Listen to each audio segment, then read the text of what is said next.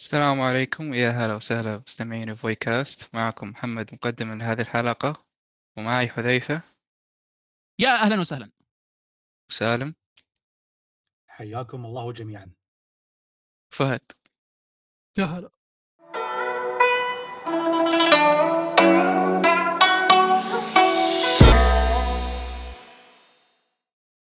اليوم عندنا حلقة عن مجتمع الكوليكتر ومستقبل النسخ الفيزيائية بس قبل ما نبدأ بالموضوع نشوف الشباب إيش لعبوا آخر فترة نبدأ من عندك حذيفة؟ ويا مرحبا بالجميع إن شاء الله، وبالنسبة لي أنا آخر فترة لعبتها هذا، فأنا كنت يعني حبيت يعني كنت بنتكلم مع اثنين ما فيش داعي أذكر أسمائهم، هم هم عارفين أنفسهم، وكنا بنتكلم على بقية ألعاب استوديو RPG آآ Ryoga Gatoko فكان في دائمًا كنت أحس إن في نقص بالنسبة لي من من هذه الناحية، خصوصًا مع بعض الألعاب، بالأخص آآ Yakuza 7 فالفترة الأخيرة هذا كمّلت ال ال بقية ألعاب آآ بقية ألعابهم اللي صدرت للسوق الغربي، آآ سواء نتكلم على Yakuza 7 سواء نتكلم على Judgment، Last Judgment، Kaito Files، وحتى في بداية السنة اللي كانت Yakuza Ishin مش a Dragon وأعتقد هذا كفاية يعني ما شاء الله كل لعبة منهن تأخذ لك فوق ال50 ساعة. آآ آه، إيش رأيك بجاجمنت؟ لا رهيبة، جدًا رهيبة. جدًا، جدًا رهيبة بالنسبة لي، أنا ما كنت متوقع إنها حتكون يعني بهذه العظمة صراحةً يعني، أنا كنت متوقع منها يعني إنها تكون سلسلة فرعية، وما عاد تكون لها يعني هذاك الثقل سواء نتكلم من القصة أو الgameplay أو غيرها، لكن أنا الآن أقدر أقول لك إنه Judgment وخصوصًا Last Judgment هي معاها أفضل gameplay في السلسلة، بينما Judgment على الأقل معاها قصة آآ تنافس ألعاب Yakuza إ إذا نتكلم من إيه. هذه القصة. يعني صراحةً أنا ما كنت متوقع هذا المستوى يعني من العظمة، هو عارف دائمًا استوديو رياجا جاتوكو دائمًا يجيب ألعاب جدًا ممتازة، على الأقل إذا كان في معك جانب سيء يعني على الأقل مثل مثل ياكوزا 7 وهذا حنرجع لها بعد شوية، فيها جوانب صح سيئة بالنسبة لي أنا، بس كان فيها جوانب إيجابية، لكن Judgment يعني عمومًا بالنسبة لي كانت لعبة ممتازة من كل الجوانب تقريبًا، يعني اللهم الحاجة الوحيدة اللي كنت أتمناها يعني في Judgment إنه كان يتم يعني بدون حرق هذا حيكون إنه كان يتم التركيز أكثر على شخصية كايتو بجانب شخصية ياغامي، وهذا الشيء اتحقق بعدين في Lost Judgment عن طريق الDLC حق كايتو Files. وكيف ال DLC ما لعبته أنا للحين. لا هذا أنا ما أعرف عليك الDLC جدًا ممتاز بالنسبة لهم، فاللي ما قد لعبه ولعب Lost Judgment ولعب ولعب كل ال ذي يلعب كايتو Files. طيب آه، في جاجمنت هو القصة اختلفت عن باقي السلسلة حتى أنا استغربت يوم آه، شفت القصة قلت معقول هذا اللي يسوي ياكوزا؟ يعني كانت أيوه. جدية أكثر من باقي الأجزاء آآ كلها يعني حتى حتى نقدر نسميها المهام الجانبية فيها وال والأشياء ال اللي تجيب لياكوزا روح ياكوزا ما كانت موجودة في في السلسلة هذا.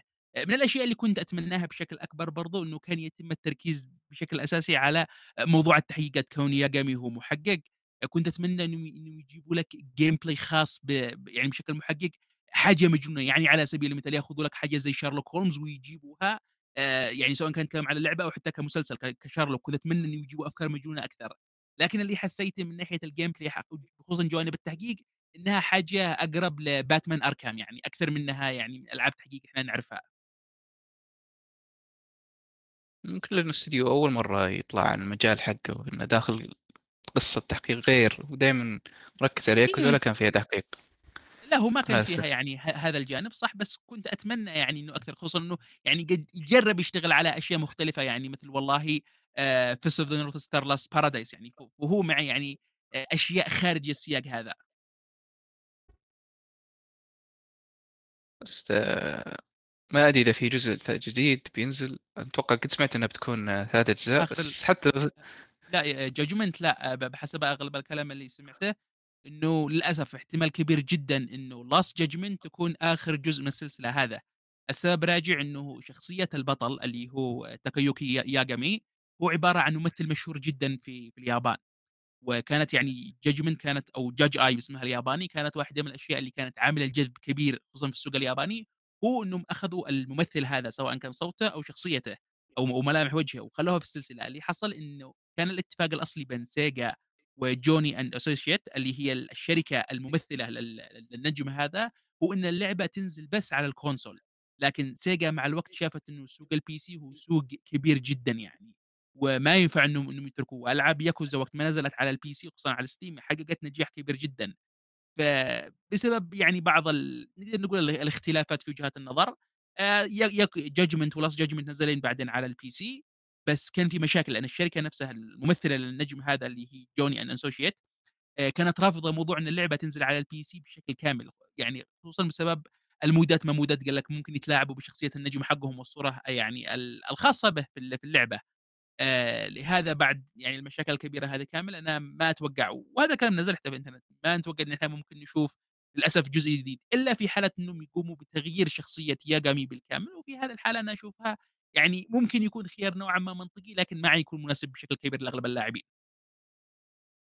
مو بس هذه بعد في مشكلة ثانية، المخرج ناقوشي طالع بعد من سيجا ي فما صراحةً صراحةً إيه، آآ أنا أشو أنا أشوف كانت خطوة خطوة إيجابية بالنسبة لناغوشي، يعني خلاص ال ال الأخ يعني كان من البداية شغوف في إنه يصنع ألعاب، لكن مع الوقت بدأ ياخذ مناصب إدارية أكبر وأكبر، أكبر في سيجا، حتى هو قالها، قال لو كنت استمريت في سيجا كانوا حيخلوني المدير التنفيذي، وهذا حاجة أنا يعني ما لي أي اهتمام فيها، أنا جاي علشان أصنع ألعاب بس، وصراحةً يعني خلينا نجيب حاجة ثانية قد وقتها، يا أخي قد اشتغلوا على ياكوزا 7 خلاص السلسلة خ يعني بالنسبة لي يعني كانت يعني غير ب ب بعد ياكوزا 7 فلهذا أنا أشوف خلاص ينتقل لمشاريع جديدة ويخلّوا يعني ما أقدر والله أسميها ال الخبيث اللي حاصل حاليًا مع ياكوزا على الأقل م في جانب الgameplay إيه على طاري ياكوزا 7 الصراحة ما عجبتني مرة، مرة.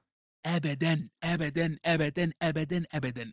يعني أنا من وقت ما نزلت وأنا ما كنت ناوي ألعبها، بس في 2 الله يحفظهم يعني أسمائهم يبدأوا بسالم والثاني ما يحتاج نذكر اسمه، أصرّوا علي إني إني ألعبها و وأجيب لها فرصة عادلة. يعني صراحةً شوف و وأنا تكلمت هذا الشيء يعني من لعبة وأرجع. أتكلم من عادي آه و و و وأرجع أتكلم من الحين، نظام الGRPG أنا أشوفه نظام رجعي قديم غير صالح ل ل لألعاب هذا الزمن، أنا أتفهم وجوده في في ألعاب الأندي مثلًا يا بيش معاها ميزانية، أو في الألعاب الجيل القديمة اللي كانت تقنية تحد من ظهور نظام gameplay ممتع، لكن إنه يظل موجود حتى هذا الوقت وحتى وجود أجهزة ب مثل هذه القدرات، أنا أشوفه يعني حاجة يعني غريبة جدًا صراحةً، أنا ما ما أحب إني أقول كلام كبير، بس يعني تخيّل، تخيّل لدرجة يا محمد إنه أنا طبعًا قبل فترة بسيطة سويت jailbreak لجهازي آآ، ولعبت اللعبة عليها، لأنه أنا كنت رافض إني أشتريها.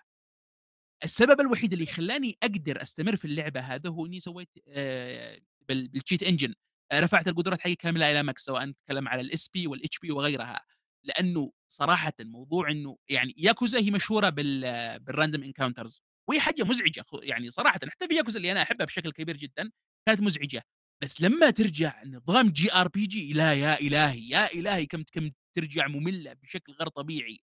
آه، آه، كيف كانت مزعجة، بس فيها جوانب رهيبة، يعني أنا مثلًا عجبتني شخصية إيتشيبان بشكل كبير جدًا يعني، وأشوف إنه آه، ك إنه كبطل جديد أنا أشو أنا أشوف إنه إنه شخصية مقبولة صراحةً يعني، أنا مختلفة ما على.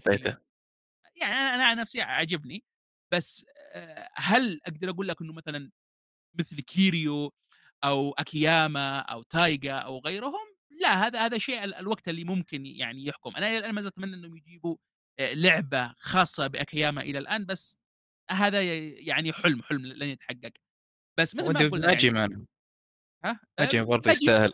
لا ماجيما ممكن نقول زيرو خلاص يعني ب بحكم إنه إنه يعني صراحةً يعني صراحةً ولو إني أحب زيرو وزيرو عندي المفضل بس آآ النجم حق ياكوزا زيرو هو كان ماجيما أكثر من إيه، كيريو بمراحل يعني، يعني آآ اللي أخذ يعني تقدر تقول دور البطولة في القصة كان ماجيما، يعني كيريو كان موجود يعني أنا أحس م لا تفهمني غلط، يعني أنا في النهاية أنا أحب كيريو، بس تحسه في في زيرو كان مجرد إضافة علشان الناس يقول لك أيوه ه هذه في النهاية تظل ياكوزا، هذه في النهاية تظل يعني سلسلة أغلب الناس هم يعرفوها. في لهذا السبب، في لهذا أنا أشوف ما يحتاج مثلًا لعبة لماجيما يعني يجيبوا لعبة مستقلة خلاص، يجيبوا لعبة لأكياما، أنا أشوف لو لو جيبوا لعبة لأكياما والله يعني حتكون حاجة جدًا رهيبة، يعني خص خصوصًا مع شخصيته يعني، أنا أنا أحب أكياما بشكل كبير جدًا، بس للأسف يعني وجوده في ياكوزا 4 وياكوزا 5 آآ ك يعني بس يعني إمم. أشوفها حاجة ظالمة له بالنسبة لي. بس عودةً لموضوعنا م نرجع للموضوع ل لإيتشيبان ما إيتشيبان، آآ شو رأيك إي في تصميم كيريو في الجزء الثامن؟ لا، لا، لا، هذاك اسمها ياكوزا ماي كراي صراحةً يعني، هذاك ياكوزا ماي كراي يعني أنا ما أدري خلاص يعني وشوف ما نجيب حرق خلاص هو بدون حرق بس يفترض إن الجزء السادس كانت نهاية قصة كيريو، يا جماعة الخير خلّوا الآدمي يعني 8 ألعاب أساسية و و وألعاب فرعية وكذا، وكذا، وفي النهاية لأ جالسين مصرين عليه، خلاص. يعني ياكوزا 7 كانت يفترض إنها قصة بطل جديد آآ بملحمة جديدة، خلاص. خلّي الشخصيات القديمة تكون موجودة بس بس لا تجيبها، لكن لأ خلّي خلينا نجيب لكم كيريو ونرجّع لكم إيمو، يعني خلاص. الرجل خمسيني الرجل على نهاية الخمسينات خلاص. المفروض إنه يجلس متقاعد خلاص يعني ف ف فعل الإرث حقه. آآ لأ يقول لك يالّا نرجّعه ونرجّع إيمو ونرجّع كذا و يعني أنا أحسها هذا يعني كفاية خلاص يخلّوا كيريو لوحده يعني لازم أوه والله لازم إحنا نرجّع كيريو مرة ثانية ونخلّيه مع إيتشيبان نفعل لكم نفس حركة والله ياكوزا زيرو أوه شوفوا كيريو رجعناه مرة ثانية رجع من التقاعد حقه ما هو من الجزء ال الثاني هو جالس يرجعنا التقاعد حقه. في الجزء الثالث ورجعنا والجزء الرابع ورجعنا والجزء الثامن ورجعنا. والجزء خلاص يلا نهاية كيريو. خلاص يعني يلا انتهت قصة كيريو بشكل جميل وشكل ممتاز وشكل ذي يلا نرجع لكم الجزء الثامن لا وعد إيش؟ يلا نجيب لكم آه ياكوزا. جايدن أنا أرفض رفضا قاطعا إني أستخدم مصطلح Like a Dragon لا ياكوزا جايدن نهايه السنة. نحكي لكم قصته كيف حصل بعد السادس اللي يفترض إنه نهاية كيريو. يا أخي والله آه. يا أخي صعبه صعب إنك تقول مثلا الشخص جديد إنه يلا ادخل آه، سلسلة ياكوزا وبس يعني تحتاج تبدأ بياكوزا 0 بعدين كيوامي 1 بعدين كيوامي 2 بعدين 3 4 5 بعدين بعدين يدخل لك 6 آه، وبعدين آه، يلا العب لك جايدن لا العب 7 بعدين العب جايدن بعدين العب Judgment وبعدين بعدين العب Lost Judgment بعدين ادخل العب يا أخي حاجة رهيبة جدا. وكل هذا إحنا نتكلم على ايتشيبان يعني شوف التشعبات اللي اللي دخلناها. فعمومًا أنا بالنسبة لي ياكوزا 7 يعني صراحةً تجربة غير غير سعيدة جدًا من ناحية ال أو غير ممتعة بأي شكل من الأشكال من ناحية ال gameplay، والسبب الوحيد اللي قدرت أكملها هو هو الله يحفظ الcheat engine.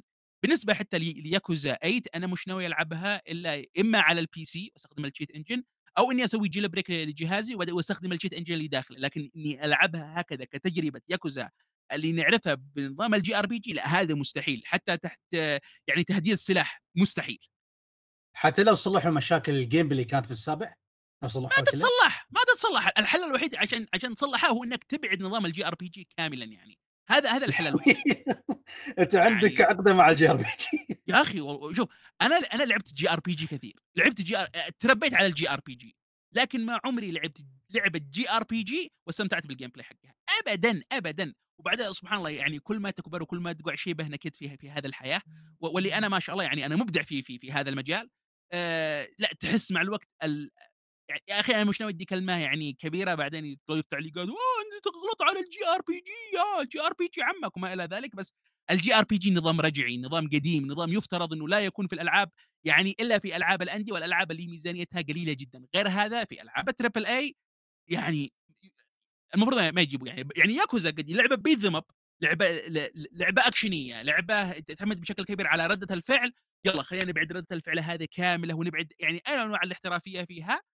طبعًا ياكوزا ما هي لعبة احترافية بشكل كبير يعني ما هي لعبة قتال أو لعبة كذا بس خلينا نبعد كل هذا ونخليها لكم يلا قوائم وأيتمات وماء و و و و وخلاص ونبعد لكم كل حاجة عجبتكم مع إنه في judgment يعني judgment يعني أنا أشوفها كتجربة game play قلت لك في Judgment و Lost Judgment كانت تجربة gameplay كانت نوعا ما مختلفة خصوصا مع حركات ياجامي اللي تميل أكثر للكونغ فو والحركات البهلوانية حقه فواضح إن في إمكانية إنهم آه، يتوسعوا أكثر في. في في الجاره هذا وفي في نظام ال gameplay هذا. بدل ما والله يلا فجأة نقلب لها ترن بيس جي آر بي جي يعني. أنا أشوفها حاجة جدا يعني غير منطقية. لو كانوا أخذوا Judgment كسلسلة فرعية وجربوا يختبروا فيها هذه الأشياء من ناحية والله إنها تكون لعبة JRPG أنا أنا ما كان عندي أي مانع. بالعكس كنت أقول خلي خليهم يجربوا أشياء جديدة لكنهم ياخذوا سلسلة ولها فترة طويلة جدا. وبدل ما يعني آه، يخلوها تتطور لا يخلوها تتطور صح بس يخلوها تتطور بالمقلوب بالمعكوس يلا إحنا حنرجعها لكم للعصر الحجري. يلا وأنتم بعدها خلاص استمتعوا بها استمتعوا بال gameplay حقنا الرهيب ذا الحين. طيب Persona تشوفها آه، ال gameplay حقها متطور؟ ها؟ أنا لعبتها اللعبة الوحيدة خلال عشر سنوات قبل ما ألعب ياكوزا 7 كانت بيرسونا ولعبتها بس لأن في ناس كثير كانوا تويتر يقول لك أوه بيرسونا بيرسونا بيرسونا بيرسونا العب بيرسونا لعبتها صح أنا ما أنكر، بس قُلت لك وصلت يمكن لثلث اللعبة ورجعت ال الgameplay حقها خيار الصعوبة مش easy لأ، اللي هو very easy لدرجة إنه يقول لك لو لو تحوّل لهذا المستوى الصعوبة ما عاد تقدر ترفع مرة ثانية وتغيّر الصعوبة، لهذه الدرجة أنا ال أنا الgameplay حقها برضه ما عجبني، أنا لعبتها لأنه خلاص كنت دخلت فيها والقصة نوعًا ما شدّتني بدون بدون ما أحرق يعني، قُلت خلّيني أكمّل فيها، لكن هل استمتعت بالgameplay حقها؟ لا أبدًا يعني. حتى والله ذا الحين Persona 5 Royal ما لعبتها، Persona 5 Striker ما لعبتها، Persona 5 يعني هذا Tactics ما لعبتها، Persona 5 الله يرحمنا ما لعبتها برضه و و ومش مش ناوي؟ خلاص آآ هي لعبة واحدة خلّتني أقول الحمد لله ما ما بنحب الJRPG أنا اللي أذكره كان كان نقاشنا معك ال إنك تقول هذه أفضل لعبة JRPG هذا اللي أذكره لا، لا، لا، لا أنا سالم كنت موجود معنا في الجروب والّا ما ما كنت لاحق لا، على لا، سالم ما؟ كان موجود لا هذا هو. المصيبة إن الشاهد هو محمد مو مو سالم هذا شيء مؤسف يعني والّا كان للأسف على بس بس؟ بس أنا لا، لا شوف أنا أنا إيش قُلت لك؟ قُلت لك إيش؟ قُلت لك أنا الشيء اللي خلّاني أواصل فيها كان الق القصة، القصة شدّتني صراحةً، ما ما هي أعظم ل ق قصة على الإطلاق في في لعبة قُدِّمت، لكن القصة شدّتني، بس إنه الgameplay لا الgameplay مستحيل أقول لك أوه لعبة JRPG لأنه أساسًا شوف أنت عارف ما هي أفضل لعبة JRPG على الإطلاق؟ يعني سؤال أ أ أ أجاوب عليه، قُل، في أي قُل. لعبة ثانية تعتمد أي أي تصنيف غير الJRPG طيب. هذه هذه أفضل لعبة JRPG بالنسبة لي. هذه أفضل لعبة JRPG ليه؟ ع القصة تقول أنت مثير للاهتمام، وش اللي أثار اهتمامك بالقصة؟ لا، لا، لا، قُلت لك أفضل لعبة JRPG هي اللعبة اللي ما تعتمد لك على تصنيف الJRPG اللي ما فيش إيه. فيها JRPG طيب، هذه طيب، اللعبة ممتازة. طيب وش هو وش ال يعني ال اللي أثار اهتمامك في قصة بيرسونا؟ والله موضوع ال يعني شوف أنا أنا خايف أحرق بعدين على البقية فما ت تشبه قصة انمي يعني. فيها نوعًا ما وحق الجرايم ال ال قصة الغامضة واللي. كانت تحصل وهذا ه هذا نعم. هذا اللي شدّني فيها. هذا اللي شدك فيها اللي أكون سالم هذا أيوه. الحقيقة okay. okay، okay، أنا أنا يعني أعترض لكن أنا عارف إن اعتراضي ليس له فائدة في هذا الحياة ف okay، okay. طيب الحين حذيفة أنا باسألك طيب، طيب ألعاب استراتيجي كمان تكرهها لنفس السبب؟ لا، لا، لا، لا آآ يعني ال مثلًا XCOM أنا أنا أحبها. يا أنا رجل أحبها. طب يا طب كيف رجل كيف كيف تكرهها وب يعني تكره على قولتهم الج ال JRPG بس تحب XCOM شوف، شوف ال ال ال المشكلة إن الجربج الاستراتيجي معقد أكثر. معقّد بس بس بس في mechanic فعلًا، لكن بال بالنسبة لل JRPG كله عبارة عن قوائم، يالّا قوائم، قوائم، قوائم، قوائم، ما ما تحس إنك يعني جزء من الأكشن نفسه، بت بتحس إن إنك تتابع الأكشن من بعيد، ما تحس إن لك يعني أي تقدر تقول كيف آآ أي قرار حييجي في اللعبة، لأنك أنت لازم تنتظر آآ ردة فعل العدو، وهذا الشيء اللي أكرهه، لكن مثلًا في في في في أعت أعتقد يسموها الشطرنج، الشطرنج الGRPG اللي هي مثل XCOM XCOM وغيرها، في النهاية أنت تتحكم في توزيع الأعداء، أنت تتحكم في كذا، يعني في معك أكثر من حاجة أنت أنت تسويها في اللعبة، عكس الGRPG اللي في الRG في الGRPG أوه أنا يستخدم الitem حقي خلاص آآ آآ الدور حقي ضاع، أوه أنا لازم أحل العدو هذا وما أقدر ما أقدر أصيب إلا هو بس، خلاص بعدين أنتظر هو لما يعني يهاجمني ويأخذ من النقاط الأساسية وما أقدر أصُد أو أراوغ أو أفعل حاجة، هذا هذا مش لعبة، ب بالنسبة لي أنا على آه. يعني أنت أنت مشكلتك إنه شخصياتك يكونون واقفين وأنت تعطيهم أوامر بس، عكس بس. الXCOM اللي أنت تحرك تروح تجي. تحاول تهرب أو من ال أ أيوه وفي نفس الوقت لما يهاجموني مثلًا أقدر مثلًا أ أسوي أي حاجة سواء كان أراوغ، أصُد، أ أفعل أي حاجة، ولا إني أجلس ثابت، أوه ضربوني، أوه وأنا لا حول لي ولا قوة، Oh my God العدو إنه قوي، ما مش لعبة بالنسبة لي. أنا والله صراحة شوف الج الJRPG أحاول ألعب من زمان ترى، بس والله الألعاب كلها طويلة، يعني ما راح لأ شوف 200 شوف ساعة في م لعبة مشكلة JRPG. مشكلتها الطويلة ه هذا هذا حاجة من المسلمات فيها يعني. بس الحين في حتى في في ألعاب يقولون قصيرة زي Live Alive حقت Square Enix ما ما لعبتها وم وم ومش ناوي ألعبها بس أق أقول لك يعني. في في لعبة Shamed Echoes أظن اسمها زي كذا مدري Echoes Shamed اللي نزلت هذه السنة، في برضه اللعبة الجاية Sea of Stars فغالبًا واحدة من الثلاثة هذول بالعبهم لأنه يقولون هذه هذول أقصر شيء أقصر شيء موجود في ال في التصنيف. هيا قلدك الله يا فيصل، هيا قلدك الله، من من الويب بيننا ذا الحين؟ ال الأخ حافظ لك يعني مختلف لا، لا، لا، جرات شوف الJRPG أنا وأنا أنا أنا ب أنا مسكين بالعبها شوف أنا بالعبها لأني أحب نظام XCOM بس ماني شايف أي ما يعني. شوف Midnight Suns أظن آه. بتعجبك ترى. حقت أنا Marvel. فكرت ألعبها بس يعني ما قد يعني وصل لها لأن لأن باقي في القائمة المباركة في ألعاب ثانية يعني لها الأولوية بس ممكن أشيك بس عليها. شوف لو لو لو تبغى على قولتك شطرنج RPG آه. فكر فيها تراها ممتازة، صح إنها لعبة بطاقات وب وهذا تحس اللي هوسة يعني في البداية لكن بتعجبك. آه لأنه هذا اللي خلاني يعني أكون متردد فيها إني إني لعبة بطاقات بس. العب بوكيمون. آه البوكيمون حرام يا سالم. البوكيمون حرام يا سالم. يعني ت- ت- ت- تنصح الناس بالحرام في البودكاست المحترم هذا؟ عيب الله المستعان يا رجل يعني- تلعب Persona جت على بوكيمون. يا رجال ب- ب- Persona المعفن أشرف لك من البوكيمون. أقل هالبوكيمون ما يقول لك أنا يهودي وأفتخر. لكن هذا جو تفعلوها تنشروا الحرام بين الناس. عيب عيب. الله المستعان. الله المستعان. أنا جيت أنا قصدي إنه يعني بودكاست شريف. نحن نحن نتكلم على الألعاب ونتكلم لكن جينا هنا ننشر الحرام. لا أستغفر الله العظيم. أست- أستغفر ربك يا سالم. أستغفر ربك يا فهد. okay سالم. والله شوف أنا هالفترة آه، الأسبوع هذا تقريبا أكثر من أسبوع ما لعبت أي شيء لأني كنت مريض. يعني مرض مرض شديد لكن الحمد لله. الحين تعافينا منه لكن قبلها لعبت يمكن لعبتين. لعبت لعبة المصارعة AEW Fight Forever تعرفوني أنا أعشق المصارعة لين يومكم. آه ولعبت Final Fantasy 16 هي طبعا ما نقدر نتكلم عنها. آه خليني أتكلم عن AEW Fight Forever. طبعا اللعبة هذه آه، من تطوير آه، Yuke's اللي اشتغلوا سابقا على سلسلة SmackDown.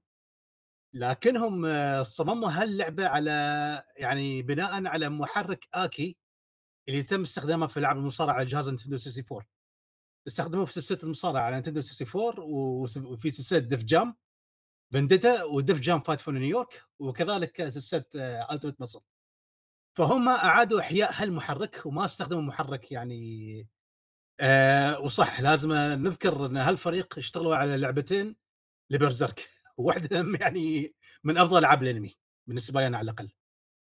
آه لا من أفضل الألعاب وأفضل مانجا عشان ما يزعل حذيفة. آه خلاص خلاص. okay. آه، بالمناسبة يا جماعة الخير أجيب لكم خبر, حصري يعني اعذرني يا سالم على المقاطعة يعني إيه. إذا تكرمت. آه، في أخبار شبه مؤكدة إن سالم حاليا لعبتها القادمة حتكون Yakuza Zero إن شاء الله. إحنا إحنا ناويين ندخلها ال- ال- الهاوية اللي لا قعر لها إن شاء الله يعني بس زد يعني شجعوا شجعوا إنه يلعب ياكوزا تمام آه إن شاء الله بروح ألعبها. عموما عودة الموضوع هم الحين صمموا ال AEW Fight Forever بالاشراف من المصارع كيني أوميجا. هو هو المشرف ال- يعني اللعبة بالإضافة إلى جيتا اللي هو اشتغل على لعبة WWF No Mercy قبل. آه طبعا لعبت اللعبة. أنا أخذت آه لعبتها على البلاي ستيشن 5 آه طبعا نظام ال gameplay آه اللي هو حرفيا أفضل شيء في اللعبة ال gameplay كان حرفيا ممتاز وسريع وأركيدي. وهذا الشيء مطلوب وهذا الشيء نحن كنا نطلبه من فترة طويلة. نلعب 2 كي دبليو 2 كي حاليا يعني ما قاعدة تضيف شيء جديد يذكر. يعني حتى اللي نزلت أنا حتى W 2K 23 أنا ما لعبتها لأنها هي نفسها 2K 22 فقلت ما في داعي نشتريها فبالتالي فضلت ان آخذ AEW Fight Forever وخصوصا إني أنا أتابع عروضهم ومستمتع فيها. آه طبعا اي نفس ما قلت لكم ال gameplay كان ممتع وأركيدي وتحسه مطور بشكل كبير حق آه، محرك AKI. لكن خلينا نتكلم شوية عن السلبيات.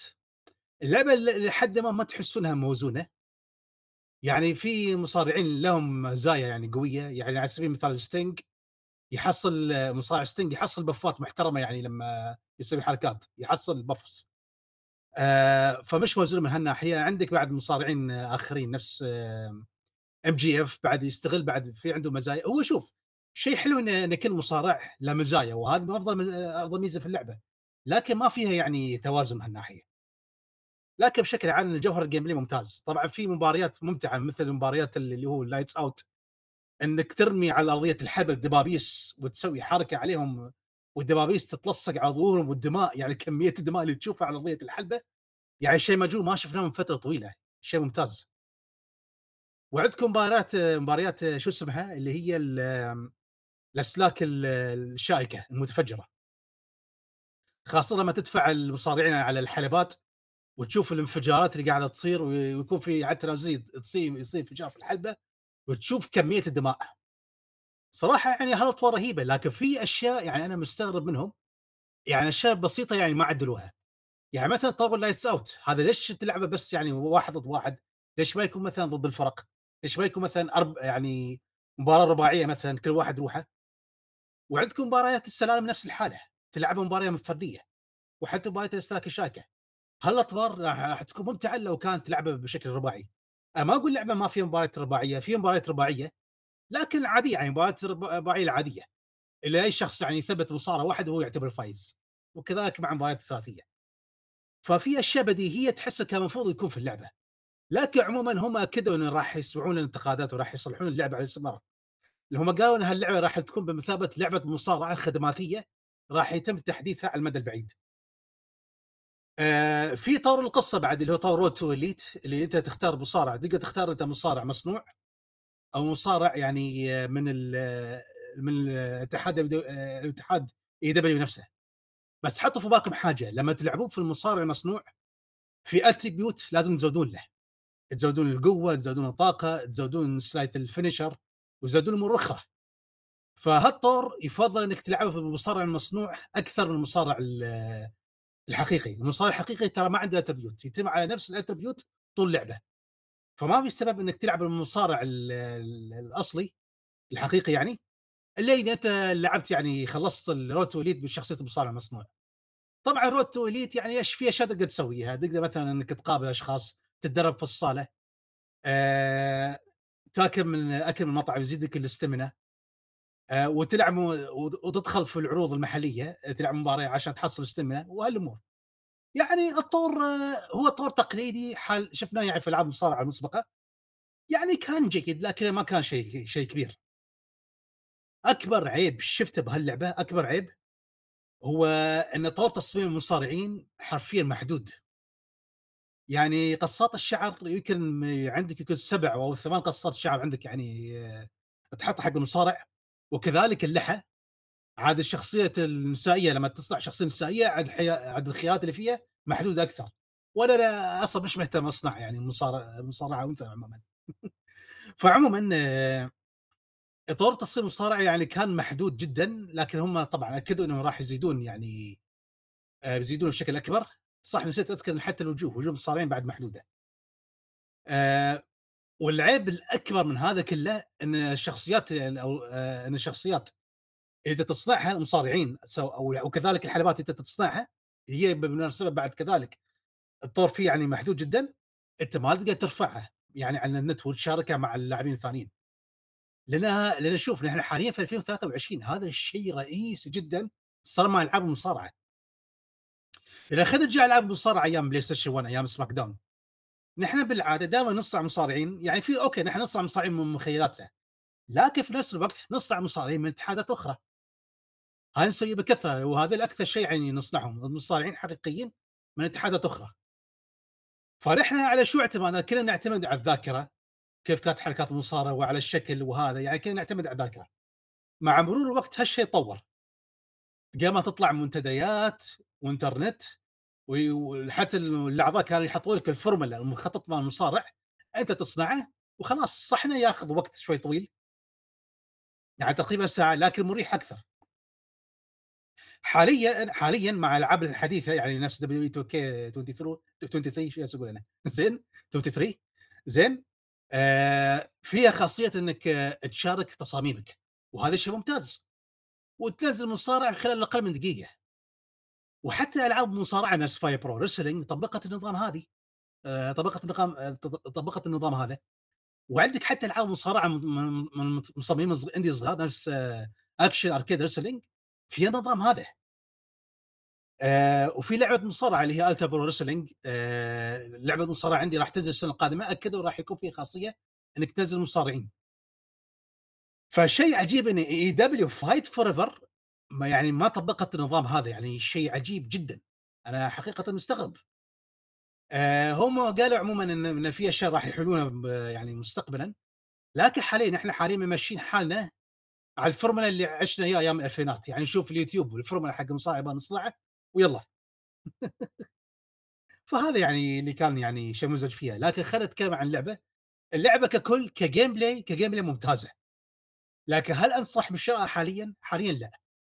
الا اذا أخذتها بسعر رخيص اذا حصلتها بسعر رخيص أشتريها. لكن عدا ذلك آه، ما أشوف تستحق الشراء ألين ما يتمون إضافة النواقص النواقص يعني لاحقا واللي هم راح يعودون فيها وهم أكدوا أكثر مره راح يضيفونها.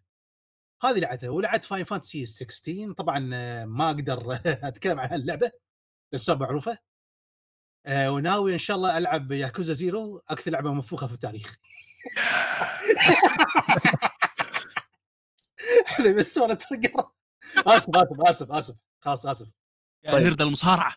طيب عندي سؤال بخصوص التحديثات. هل بتكون كإضافات أشياء ت- تكون مدفوعة زي ألعاب ال fight ولا بتكون مجانية؟ والله شوف هم قالوا إنها بتكون مجانية. في في أشياء بتدفع عليها نفس المصارعين آه، نفس إضافات المصارعين. هذه okay هاي بتكون مدفوعة. أما الإضافات الأخرى راح تكون مجانية. يلا سالم تكمل. إيه خلاص آه، جواب آه، يعني آه، جواب على سؤال فيصل يعني آه، شو اسمه؟ آه، هو بس المصارعين المصارعين الخاصين ب- بالاتحاد اي دبليو راح ينزلون على شكل دفعات هم راح يكونون ب- بفلوس. أما باقي الأشياء هم قالوا إنه راح يكون راح تكون مجانية. طيب بس وهذا اللي لعبته. آه، فهد إيش لعبت الفترة الأخيرة؟ آه لعبت مثل جير 4 آه قبل يعني كذا في البداية كنت مستغرب ليش الناس كثير يشوفونها على الأقل في السلسلة خلينا نقول. مع إنه أتذكر زمان كان عليها تطبيل بس مدري ليش فجأة كذا حذيفه حذيفه ترى ما يحبها إيه عارف بس ما أدري مستغرب صراحة. لأنه أذكر زمان كان في ناس يطبلون لها. بس ممكن عشان زمان يعني على قولتهم تطبيل شهر العسل. كان وقتها و... بس الحين خلاص كل ما يتذكرونها يقولون لا اللعبة أنا كاره لها من. يوم يومها أنا كاره لها من يوم يومها يعني شوف أدي لكم كلام يعني ع- إيه وخلينا يزعلوا طزوا فيهم آخر لعبة جيده لكوجيما كانت في 2005 آخر لعبة لكوجيما. شوف ما علينا من Peace Walker آه يعني لعبة PSP تعتبر صغيرة لكن آخر لعبة console جيدة لكوجيما كانت في سنة 2005 مع آه مع النسخة المحسنة حق Metal Gear Solid 3 بس هذا آخر لعبة جيدة له. okay okay. يعني أنت حتى Phantom Pain زي تكرهها. بس أنا Phantom Pain أكرهها من بشكل زمان يعني. كبير بشكل كبير أكره Phantom Pain. يعني أفضل جزء. سواء لا اسوء اسوء جزء اسوء جزء هو يعني صراحة متردد بين بين الرابع وبين الخامس يعني صراحة يعني.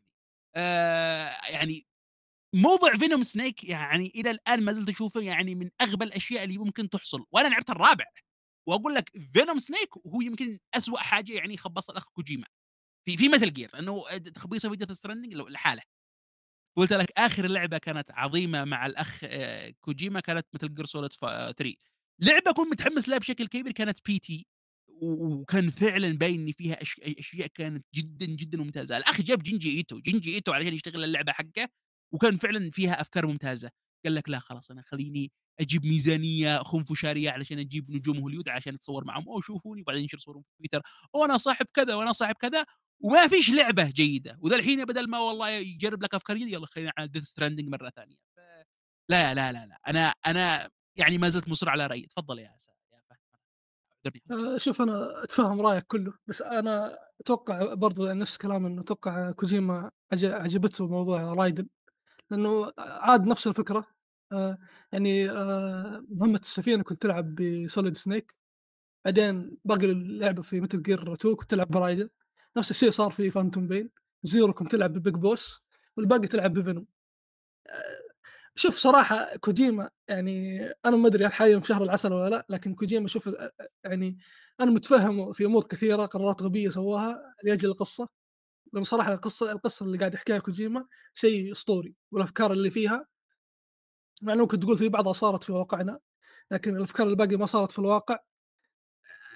فعليا تخاف تصير في الواقع زي موضوع الت- ال trigger ID أظن اسمه زي كذا اللي هو السلاح إيه. يكون مرتبط ب آه، الجندي. ترى هذه لو صارت في الواقع هذه يعني حرفيا ال- الحروب بتقلب آه، ألعاب مصارعة عرفت؟ اللي هم كاتبين السيناريو كل شيء هذه الدولة بتضغط على هذه الدولة ويلا وفي نص الحرب قفل أسلحة هذا وخلي الثاني يفوز بس كذا. أو مثلا يسوون أي شيء يزعلون من الطرف الثاني يقفلون اسلحته فالأفكار اللي قدمها كوجيما صراحة أسطورية جدا. آه، خصوصا شوف موضوع فيلم سنيك أنا يوم عرفته طبعا أنا قاعد أشوف ال... يعني قاعد ألعب وقاعد أشوف مصادر للقصة من نواحي كثيرة. فيوم عرفت موضوع فيلم سنيك في كذا في أشياء كثير في اللعبة قاعد تاخذ فيها على قولتهم ف فكرة ثانية، قاعد أشوف هل كوجيما آآ حاط easter eggs في ال تفاصيل الألعاب والّا والّا بس هذه هي ال الشيء الكبير اللي سواه.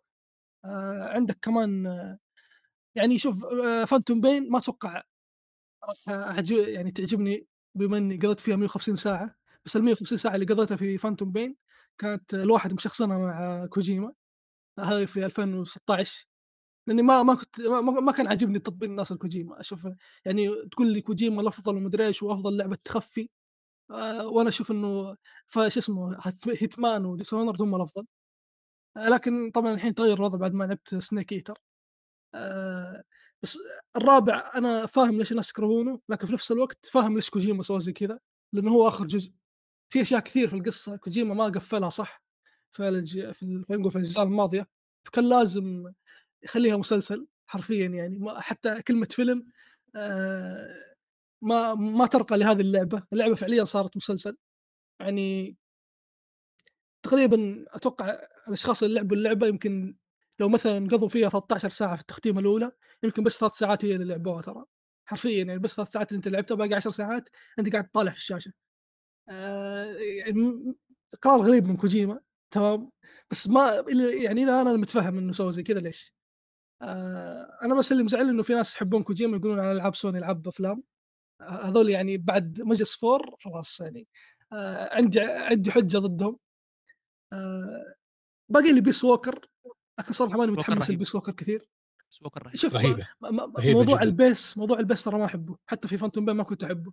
ف آه. بس أيوه فتقول لي العب بس- بي اس بي لا لا بس فوضى. بس بس آه يعني لا المشكلة فيها حرق ف ما فيش داعي أتكلم عليها. بس عموما Peace, Peace Peace Walker Walker أنا بلعبها بلعبها لأنه أبى أشوف Big Boss يعني لا شوف آه، Big Boss هو أفضل أفضل شخصية في السلسلة هذا هذا حاجة بلا منازع ما نختلف فيها. بس أقول لك يعني مهما كان يعني ممكن مثلا محمد أو مثلا ناس من المستمعين يعني ممكن يح- يحصل عليهم حرق. يعني أنا مستعد أحرق لك Phantom Pain لكن مش مستعد أحرق لك Peace Walker لأن Peace Walker لعبة تستاهل. ليه ترى Peace Walker ما أعرف قصتها هي الوحيدة اللي ما أعرف قصتها Peace Walker حتى هي أحداثها قبل ب- Portable احداث أعرف قصتها. هي هي أحداثها طبعا أنت لعبت Portable Ops صح؟ ولا ما لعبت Portable لا؟ لا ما لعبت. آه، هي و- آه، لا، هي أحداثها بعد أحداث Portable Ops قبل أحداث Ground Zeroes يعني, ب... يعني- بعد أحداث مضاربة آه، Big Boss و Zero آه، ممكن هكذا أيوه تقدر تعتبرها هكذا أيوه. آه، أقول لك ما في داعي احرق عليك استمتع بها لأن فعلا آه، يعني لعبة تستاهل. على الرغم إنها لعبة PSP لكن لعبة تستاهل. لكن عوده الموضوع أنا مع Venom Snake أنا أنا مشكلتي معها في طبعا أنا أحاول أكون قدر الامكان بدون حرق علشان محمد برضه آه، مشكلتي مع Venom Snake هي حاجتين. أول حاجة الطريقة اللي قدم بها في ال في, ال في يعني الطريقة اللي أنت عرفت فيها إنه Venom Snake ال- المهمة 47 يعني يعني أنا أشوفها حاجة حاجة يعني كانت سيئة، فجأة تظهر لك المهمة هذا بين بين بين المهمات يعني، ما فيش فيها والله طريقة تقديم كانت ممتازة، فجأة هذا تظهر أوه بعدين اكتشف الموضوع هذا.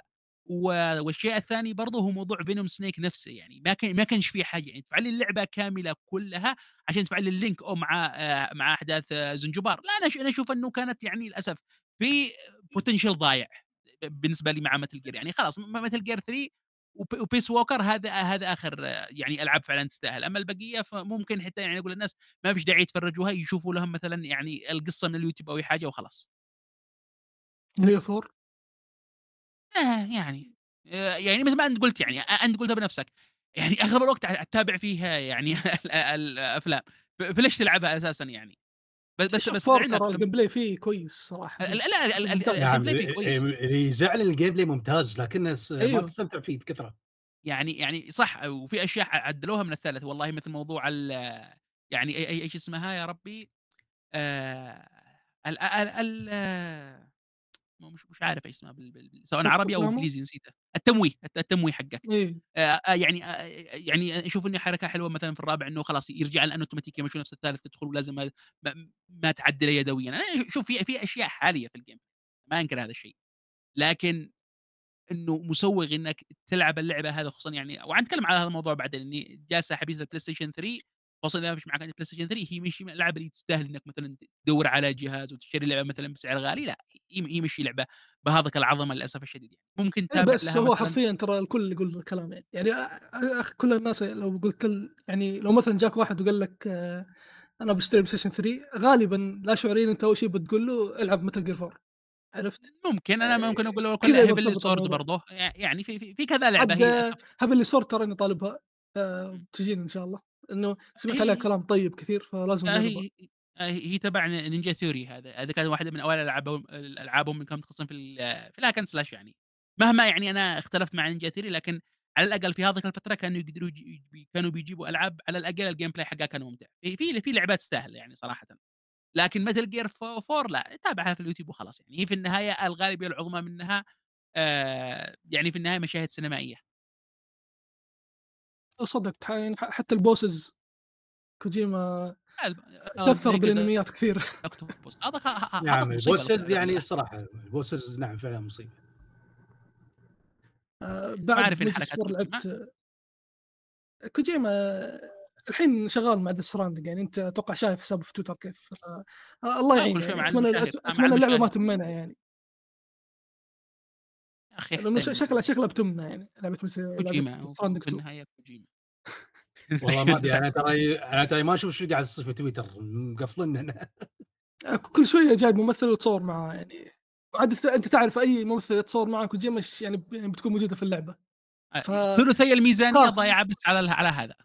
آه بالضبط يعني مضيّع فلوس سوني يعني بدال ما يسوي شيء. آه بس وأنت بصراحة أنا مجبور أحب على أح كريستال أحب Death Stranding ترى. ترى Death Stranding هي هي اللعبة اللي خلتني أحب كوجيما مرة ثانية. أو مرة أولى بشكل Death صح يعني من بين كل. الألعاب ما قلت لي Death Stranding يعني ش ش يعني إيش تسوي؟ ما ما في هي المتوفرة يعني يعني شوف لعبة رهيبة لعبة رهيبة يعني شوف لو أنت لا مكان يعني جدًا، جدًا، جدًا ولعبة رهيبة جدًا لا لا ش ش شوف لو أنت مكاني يعني عندك فانتوم بين وعندك Death Stranding بكل أمانة باحب كوجيما عشان Death Stranding ما عشان فانتوم بين صراحة يعني. لا والله يعني والله لو جينا كلمة الحق على الأقل على الأقل على الأقل آآ Phantom Pain معاها gameplay نوعًا ما ممتع. Death لا Stranding لأ. ممتع جدا ممتع جدا. أنا هو أنا ما أنا ما المشكلة عجبني من ناحية إنه كلعبة تجسس، لكن من لعبة من لعبة third person shooter أنا أنا أشوف إنه جاب لك يعني حرية كبيرة جدًا يعني، كبيرة جدًا بشكل كبير جدًا يعني. Sandbox اللعبة تعتبر. بس جيل هذه هذه مشكلتي مع فانتوم بين يعني أنت ليش مسوي عالم مفتوح أصلًا؟ آه بالضبط. أنا أشوف و وعالم مفتوح يعني كلها يعني أفغانستان يعني كلها جبال يعني، ما فيش م أسوأ أس أسوأ منطقة في ال في ال يعني في تاريخ الألعاب كلها أفغانستان صراحة اللي سواها كوجيما. أسوأ منطقة.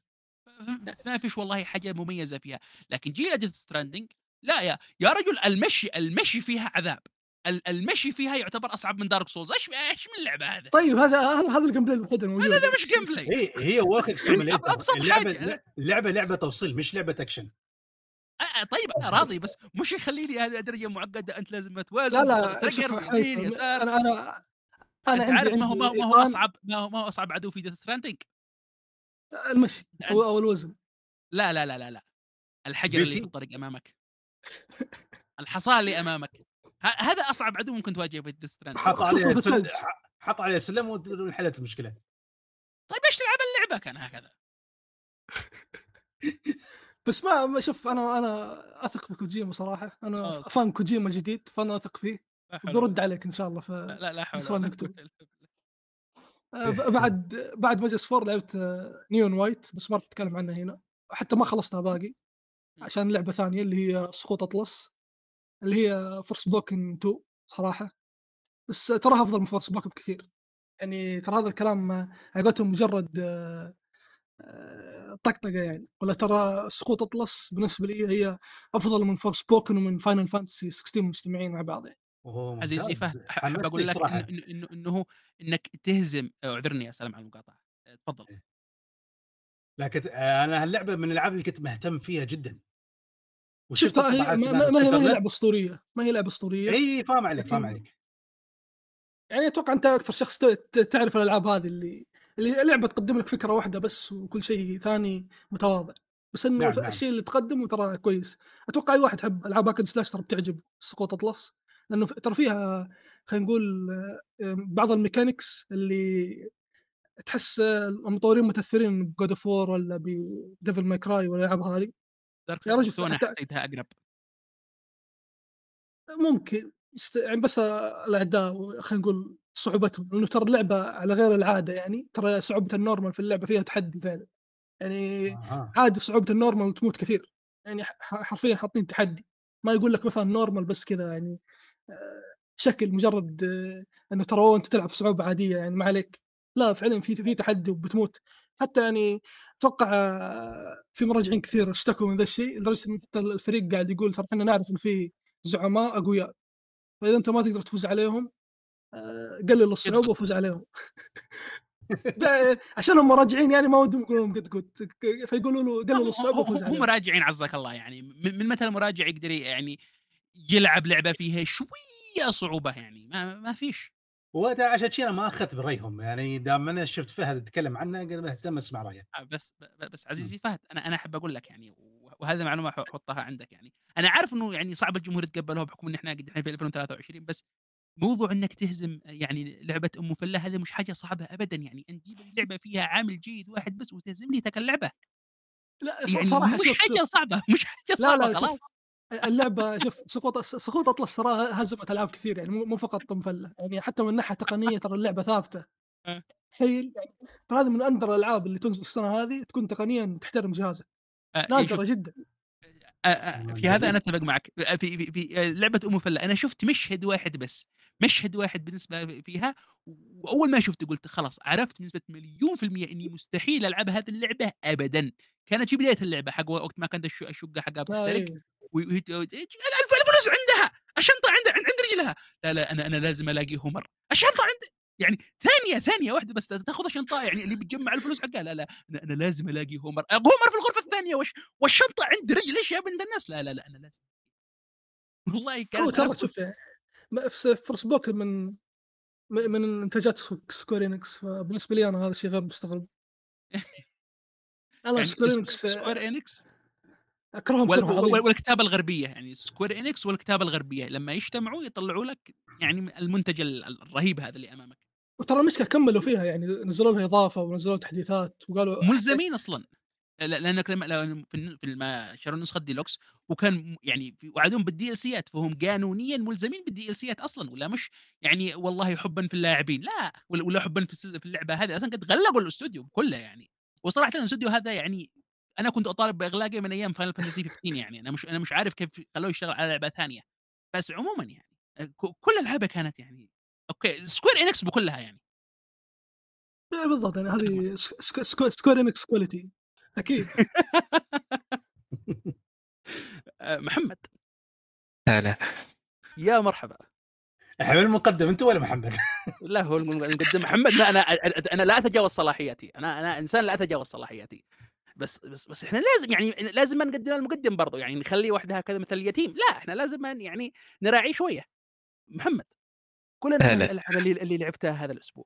أقول آه، لعبت مثل جير 5 لعبتها ابو 30 ساعة. صراحة إلى الآن قاعد طول الوقت قاعد ألعب. يعني مو بعد كوجي ما في مشاهد كثير. تقريبا واصل الحين ما أدري كم مهمة أتوقع 26 أو 27 تقريبا ما جاء إلا ثلاث مشاهد بس. يعني القصة ماشية على ركادة ما في مشاهد. بس ال gameplay يعني يجي منه. بس مو مو عاجبني برضو. كان ودي إنه ما يكون عالم مفتوح صراحة. كان آه، ودي بس أنا صراحة كنت متحمس ألعب عشان كنت توني مخلص Peace Walk على طول خشيت عليه. كنت يمكن آه. يكملون القصة. أنت لعبت كل أجزاء Metal Gear اللي قبلها صح؟ لعبت إلا أجزاء صخر ما لعبتها يعني مثلًا أجزاء الPSP Portable Ops وPeace Walker لعبتهن يعني؟ أوه Portable Ops كان كنت بلعبه بس جيت أشغل ال PSV حقي لقيته معطوب. شفت يوتيوب هذا خلاص okay، خلاص يعني التجربة يعني تظل إني موجودة يعني. وPeace إيه Walker أنت لعبتها كل صح؟ إيه Peace Walker لعبتها كان آه ممتاز. آه، Peace Walker حلوة يعني على بي- PSP والله كنت أتوقع إنها بتكون خايسة بس والله. حلوة لا، لا وحتى رهيبة و وحتى وحتى مرتبطة ب بقصة الخامس في أشياء كثيرة يعني مثلًا دكتور Strangelove في في في في كذا حتى شخصيات موجودة في Peace Walker يعني. إيه هي موجودة، إمم. بس ما ما ركّزوا كثير في القصة، إلى الآن أنا قاعد ألعب ما إمم. ركّزوا كثير على القصة، لا، لا، أنا ب مركّزين باتكلم لك في ال في Peace Walker مش في ال في الخامس لأ، أنا قصدي بس آه في Peace Peace Walker Walker ال ال ال آآ ب باقول لك ال الارتباط الموجود من شخصيات مثل والله دكتور سترينج وذي آآ ف هم هم موجودين أساسًا يعني وهي وهي ال يعني آآ لو تذكر في نهاية آآ Peace Walker طبعًا بدون حرق، أنت أو ن نهاية Peace Walker هي بداية آآ هي نهاية برضه Ground Zero. إيه. آه، يعني بس بس عشان لا أحرق عليك، في ال في القصة هي مرتبطة بشكل كبير يعني. بس والله إلى الآن أنا قاعد Metal Gear 5 إمم. آآ بديت أتخوّف الصراحة شوي. ولك كل الحق في إنك تتخوّف يعني. إلا إذا ما أتوقع راح يصدمني، لإني بعد س أنا م مأجلها كثير، أنا إمم. أصلًا هي لازم تلعب آخر شيء أصلًا، بس كنت ما كنت ناوي ألعبها الفترة هذه، لإني عارف قصتها وعارف إني إن اللعبة مو مكتملة أصلًا يعني، إنه آه، طلع ال للأسف يعني. كوجيما ق إيه. فإن شاء الله يعني على الأقل الgameplay يجمل لنهاية اللعبة، دام القصة إلى الآن ما في قصة ك بس مشاهد قليل. وح وحتى وحتى الأشياء اللي كانت يعني آآ والله اللي اللي تشدّك في السلسلة يعني مثل والله آآ Big Boss وال وال وال والكاريزما حقه ما هي موجودة أبدًا في ال في اللعبة هذا، يعني Big Boss أنا الآن هو عبارة عن شخصية صامتة بشكل كامل يعني. إيه هذا بعد شيء سيء، برضه غير كذا مغيرين مؤدي الصوت، هذا شيء يقهر مرة. لا يعني لا هذا لا لا لا شوف يعني أتفق أنا ك أنا كن كان قصدي إنه ديفيد هيتر يعني. وأنت يا سالم؟ أنا أتفق يعني هم غيّروا مدبلج غيّروا مؤدي الصوتي، لكن شو فايدتهم ما مخلّيه يتكلم يعني هذا بشك مخلّيه يش يتكلم بشكل طفيف جدًا، شو الفايدة أنتم مغيّرين عليه؟ آآ فأنا يعني أتفق. عن مسألة يعني الص إنه ليش هنا صامت بشكل مبالغ؟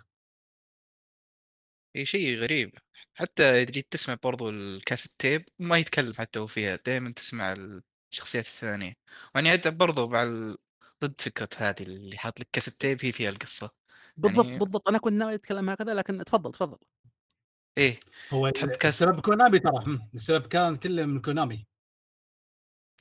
لا، إمم. لا، لا، أتوقع لا، لا، إنهم لأ، لأ ك ك كونامي في هذه الناحية لأ ما لها علاقة، آآ أنت أنت يعني كونامي قطعت عليه كان في آخر ك كان معه كذا شابتر زيادة كان كان ناوي يفعلها، وحتى المشاهد السينمائية حق الشباتر المحذوفة هذه هي قد تسربت يعني، المنقي البيانات قدروا يطلعوا هذه المشاهد و وجابوها، صح إن أغلب المشاهد هذه بدون صوت، لكن هي موجودة، لكن ال بالنسبة للكاسيتس لأ، الكاسيت هذه كانت فكرة الأخ كوجيما من يعني من البداية وتم تطبيقها بشكل ك آه، بشكل. كامل يعني للأسف يعني.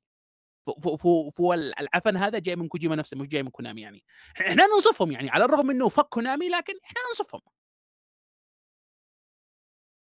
الصراحة إيه كمّل كانت آه، سيئة مرة تجربة تسمع بس، أنا ما أدري ما جازت لي مرة، كان ودي أشوف مشاهد بدل ما أسمع، مع إنه ترى مو طويلة الكاسيت تيب دايمًا يحطونه دايمًا دقيقة دقيقتين، لو تكون مشاهد كانت أفضل يعني الصراحة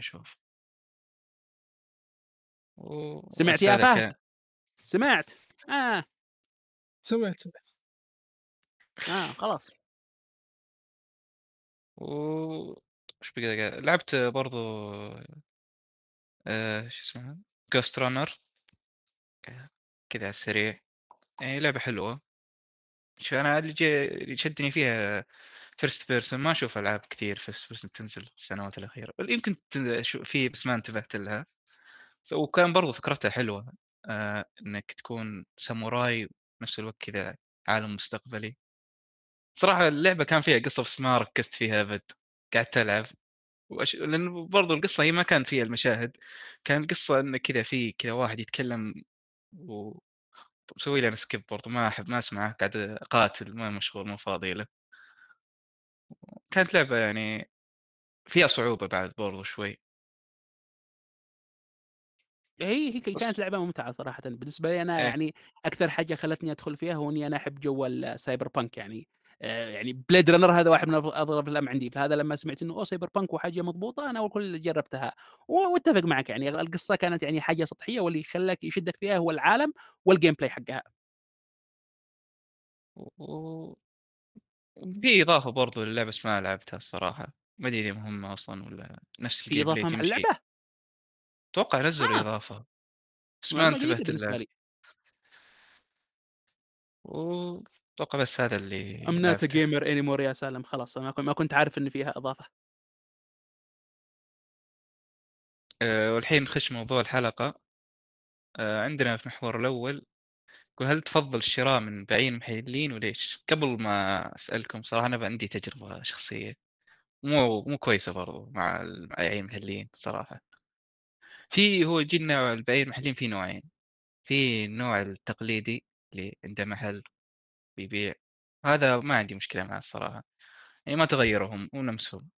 أنا عندي مشكلة مع البائعين هذول الجدد، المحل المواقع الإلكترونية أو متاجر إلكترونية، اللي ما كان موجودة ف قبل، الآن يعني بدأت تشتهر الآن. يعني هم أسوأ ناس يعني في البيع الصراحة وف وبرضه خدمة العملاء، كل شيء هم سيئين. وأسوأ شيء هو اللي دايمًا اللي خلّاني خلاص ما عاد أجرب أشتري منهم، هو تجربة صارت لي قبل فترة. آآ طلبت طلب مسبق، طبعًا ما أنصح أي أحد أي موقع حتى لو إنه ما يطلب طلب مسبق من كذا موقع مو معتمد أو مو موزع رسمي، لأن أنا أقول الحين ليش. وعودوني بموعد قالوا خلاص هو مو بموعد نفس اليوم اللي بتنزل فيه اللعبة، بعدها كذا بيومين 3 قالوا خلاص هذا الموعد اللي بينزل فيه ال اللعبة، آآ بنعطيك اللعبة physical. المهم آآ إلى الآن ما خذيتها. واللعبة لها 4 كذا شهور. اللعبة Zelda صح؟ لا، لا كنت Yakuza Like a Dragon والغيت. طلب أنا، لأن طوّلوا قعدوا تقريبًا حول أسبوعين. تستاهل، تستاهل. تستاهل. وش باقول لك المشكلة تستاهل. حاجتين أول حاجة، ح حاجتين، أول حاجة يعني إحنا قد قد قد قد يعني حلقنا ضاع وإحنا بنقول للناس يا جماعة الخير لا تكونوا تفعلوا أول حاجة يعني طلب مسبق. ثاني حاجة واللي هي الأهم يعني من بين كل الألعاب اللي ممكن البني آدم يسوي لها pre order من بين كل الألعاب ما لقيت إلا ياكوزا 7 يعني. مو 7 Like a Dragon Ishin. Like a Dragon Ishin يعني خلاص أوكي، خلاص أنا آسف في هذا آسف. خلاص أنا في هذا الحالة أنا آسف ما تستاهل ولا حاجة يعني، لنا لنا 10 التي سنين آه لنا 10 سنين وإحنا منتظرينها لما يطلعوها لنا remake والّا port والّا أي حاجة، وأ أنا أتفهم يعني حماسك نوعًا ما، إذًا أنا آسف إذا نخليه سبب واحد بس وهو المفروض ما كنت تفعل pre order من البداية يعني. والله أنا ما توقعته، الموقع هذا كنت أجربه قبل وكان كويس، دايمًا أتعامل معاه بس صراحة يعني ما ودي أذكر ودي أذكر اسم بس ما ما ما الناس تكلم. يعرفونه كلهم، الناس يعرفونه كلهم. أي متجر معروف الصراحة، أصلًا ما في إلا هو إلا 3 متاجر أصلًا معروفة، هو واحد منهم. كنسلت أنا لا، طلبت شو اسمه، قلت لهم رجعوا فلوسي خلاص ما عاد أبيكم. لأن لقيت في محلات كلها في الرياض كلها موجودة. وتحسفت صراحة إني طلبتها طلب مسبق، لأن نفس الموعد هم اللي كانوا واعديني إياه قبل، لقيت كل المحلات نازلة فيها أصلًا. فهنا خلاص قطع العلاقات مع المتاجر الإلكترونية، ما عاد أتعامل معاهم. وبرضه في بقى بقى بعد برضه غير المتاجر الإلكترونية في شيء سيء برضه، هذولي eBay السعودي، وهذا موقع معروف برضه، هذا بعد برضه ما أحبه. آآ أو مو مشكلتي مع اللي يبيعون فيه، مشكلتي مع الموقع نفسه. مو ما في موقع اسمه eBay السعودي بس أنا ما أبي أقول اسمه. هو الموقع هذا كذا يكتب لك الموقع أنا غير مسؤول عن عمليات ال الاحتيال. يعني هو ما يضمن لك احتيال، يعني عادي أي واحد يحتال عليك. وما أدري إيش فايدة الموقع، هو المفروض يكون وسيط بس إنه هو مو وسيط أصلًا. ف ما أدري الصراحة ليش هو متوفر. و وبرضه قد مرة اشتريت منه، بعد إيه مشاكلي كلها مع الأشياء الإلكترونية ما أدري ليش. شريت منه مرة ويوم استلمت اللعبة ال مو نفس الصورة. الصورة كذا طالعة حلوة وكذا وم يوم استلمتها كذا الع علبة متكسرة مهترية ما فيها اسمه هذه يعني تجربتي. حذيفة، عندك رأي عن الموضوع؟ لا والله يعني أ أنا رأيي من رأيك، يعني أنا بالنسبة لي أنا أنصح الناس من زمان يا جماعة الخير لا تطلبوا الألعاب يعني طلب مسبق، لا يعني وقد حصل هذا الشيء نكبات، ونكبات، ونكبات، لكن سبحان الله يعني في ناس ما فيش داعي أدّي عليهم كلام لأنهم هم عارفين بأنفسهم يعني، يعني هم عارفين الصفات اللي عايز أتكلم فيها، بالنسبة بس بالنسبة لي أنا، أنا دائمًا أفضّل يعني آخذ الألعاب يعني ولو تأخر حاجة بسيطة لكن آ آخذها من الباعة المحليين عندنا، لأنه بدل ما يعني تدخل في ملاحقة وتأخرتوا في اللعبة وكذا وكذا لأ، بس بس صراحةً يعني أد أحيانًا من الأشياء الرهيبة إنك بعض الألعاب تلاقيها قبل تاريخ صدورها قد متوفرة في السوق يعني، فليش أساسًا عند الواحد ياخذ لك مع مع المتاجر الإلكترونية؟ يعني يعني أضرب لك على سبيل المثال، لعبة ولو إني أنا مثلًا ما أحبها، بس وقت صدورها نزلت في الأسواق عندنا قبلها قبل صدورها بأسبوعين اللي هي The Last of Us Part 2 مثلًا، Ghost of Tsushima يعني Resident Evil 4 آآ، وألعاب ثانية برضه أحيانًا تنزل قبل تاريخها الرسمي بيوم يومين، وقد هي متوفرة في السوق، فموضوع إنك تتعامل مع المتاجر الإلكترونية أنا أشوف إنه ما فيش داعي أساسًا. وبس يعني مثلًا أنا بالنسبة لي شوف و و وال والحاجة اللي أتعامل معاها برضه هو آآ موقع أت أنا أتعامل معاه وهو حق ما مثل eBay اللي اللي هو السوق المفتوح يعني أ أدخل بين كل أشوف إذا مثلًا إذا في ناس مثلًا يبيعوا ألعاب مثلًا هي مش موجودة عندي أو حاجة ممكن أتواصل معاهم ونلتقي في مكان أشوفها وأشتريها منهم. أوكي، سالم؟ آه والله شوف أنا عن نفسي آه الب- في بياعين نوعين يعني في بياع اللي يبيع لك عن طريق موقع إلكتروني أو آه مثلا في جروبات أو وات آه أنا بالعادة المواقع الالكترونيه ما اتعامل وياها آه يمكن تعاملت وياه مرة واحدة وقت أزمة الكورونا فقط يعني اضطريت لأن المحلات كانت مغلقة وبالتالي ما تقدر تروح. بس هني يعني تعاملت وياها مضطرا. لكن شوف أنا أفضل إني أنا أروح المحلات. ما عندي مشكلة إني أقبض خط يعني نص ساعة. لأوصل مركز التجاري عشان آخذ لفه على المحلات. شوف يعني أنا بالعادة لما أطلع أسير مركز تجاه المحلات دائما اطلع ويا الشباب مع الأصدقاء نغير الجو. زين؟ نصير على المحلات شوي نطقطق على البياعين ونضحك عليهم ونشي سوالف و... و... ونتكاثر يعني بخصوص السعر. فحسيته يعني يعني لا مزة خاصة يعني خاصة لما تطلع ويا الشباب. تطلعون تاخذون لفة في المحلات وتشوفون وت... وتحصلون محل يعني يبيع بالسعر مناسب بعد آه، المساومه وتشتريها بالسعر المناسب وطبعا بعد ما تشتري اللعبة آه، تطلع ويا ربيعك تطلع آه، ويا صاحبك تصير مطعم وهذا تتعشون وترد البيت وانت مستانس ما طلعه وفي نفس الوقت بتشغل اللعبه وتستمتع. فهذه double المزه يعني. أما حركة إنك تشتري digital وتلعب على طول ما أدري آه يعني أنا صح إني اشتريت ألعاب digital وهذا لكن ما حسيتها بنفس مزة لما أنت تطلع. يعني حتى لو اللعبة نزلت digital وعليها خصم لا أنا ما أدري فيني حالة شيء لازم أروح المحل أقبض خط أستانس ويا الشباب وهذا أشتري اللعبة ناخذ لفه زين ونغير جو ونرجع البيت يعني أنا أنا أنا افضل هالتجربة هذه. فنعم أحب كم أشتري أنت من عظيم يا سالم، كم أنت عظيم شكراً. وكوليسترول في في في في خرجة واحدة. بالضبط. آه، فالمهم يعني أفضل إني أشتري من من المحلات يعني من البائعين المحليين اللي في المراكز التجارية مش في المواقع الإلكترونية. آه، أنا أحب أقسم الموضوع زي سالم. ممكن زيادة يعني آه، أقسمه قسم زيادة اللي هو خلينا نقول البائعين المعتمدين من الشركات. زي مثلا عندنا في السعودية جرير و الكترونية الحديثة اللي هم وكيل PlayStation. هذول أنا بعد عنهم جدا. يعني جرير وذول بعد عنهم يعني ال- المعتمدين ليش؟ لأنه هم يبيعون اللعبة بالضريبة. يعني اللعبة تصير نفس سعر ال store. ما يعني ما في أي فائده إني أنا أخذها physical إلا إنها physical. أنا شخص أحب أخذها physical لأنه غالبا غالبا يكون سعره ارخص آه، ما عدا في حالات معينة يعني في ألعاب زي COD زي فيفا.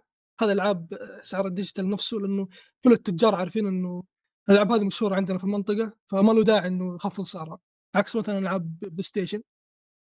يعني عادي مثلا تحصل أو أنا حصلت Horizon Forbidden West قبل ما تنزل بيوم بيوم تقريبا أو يومين تقريبا 220 ريال يعني.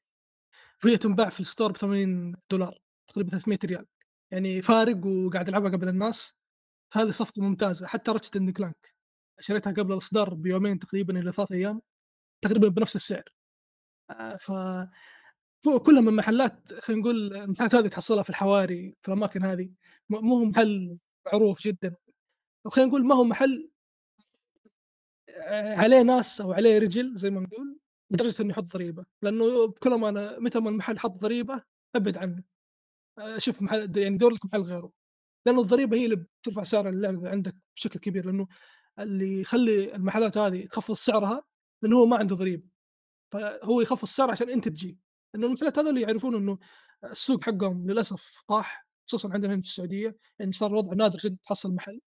آآ خلينا نقول محل ألعاب ويشتغلون فيه ناس تصير بينكم على يعني علاقة إنك يعني يضبطونك بعض المرات، بعض المرات يدفّن لك لعبة من هنا يعني قبل ما تنزل بيوم زي كذا، شيء صار صعب إنك تسويه صراحة، لأنه عددهم صار جدًا قليل، عكس زمان، يعني ز يعني زمان المحل اللي ما ي اللي ما يساعد آه، الزبون حقه ثاني يوم زبونه بيسحب عليه، أتوقع يعني سالم ي أتوقع يتذكر ذي الأمور يعني.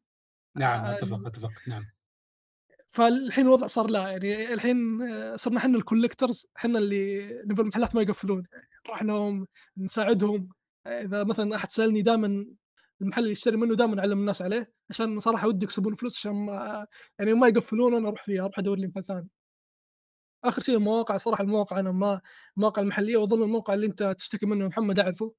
صارت لي معاه ممكن نفس السالفة على موضوع Resident Evil يعني قبل ما تصدر اللعبة بيومين رجعوا لي فلوسي وقالوا ترى ما عندنا اللعبة. طيب ليش؟ يعني تسوقون أمها أنتم والّا إيش وضعكم؟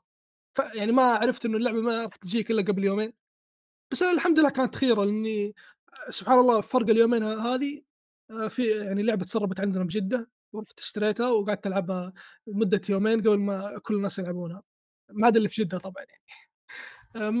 كان شيء غريب صراحة وقتها إنه اللعبة تسرب عندنا، بس أتمنى التسريبات هذه تكثر، لأن أنا أنا متعود بالعادة إنه ألعاب تتسرب في الإمارات في البحرين في البداية، بعدين تتسرب عندنا.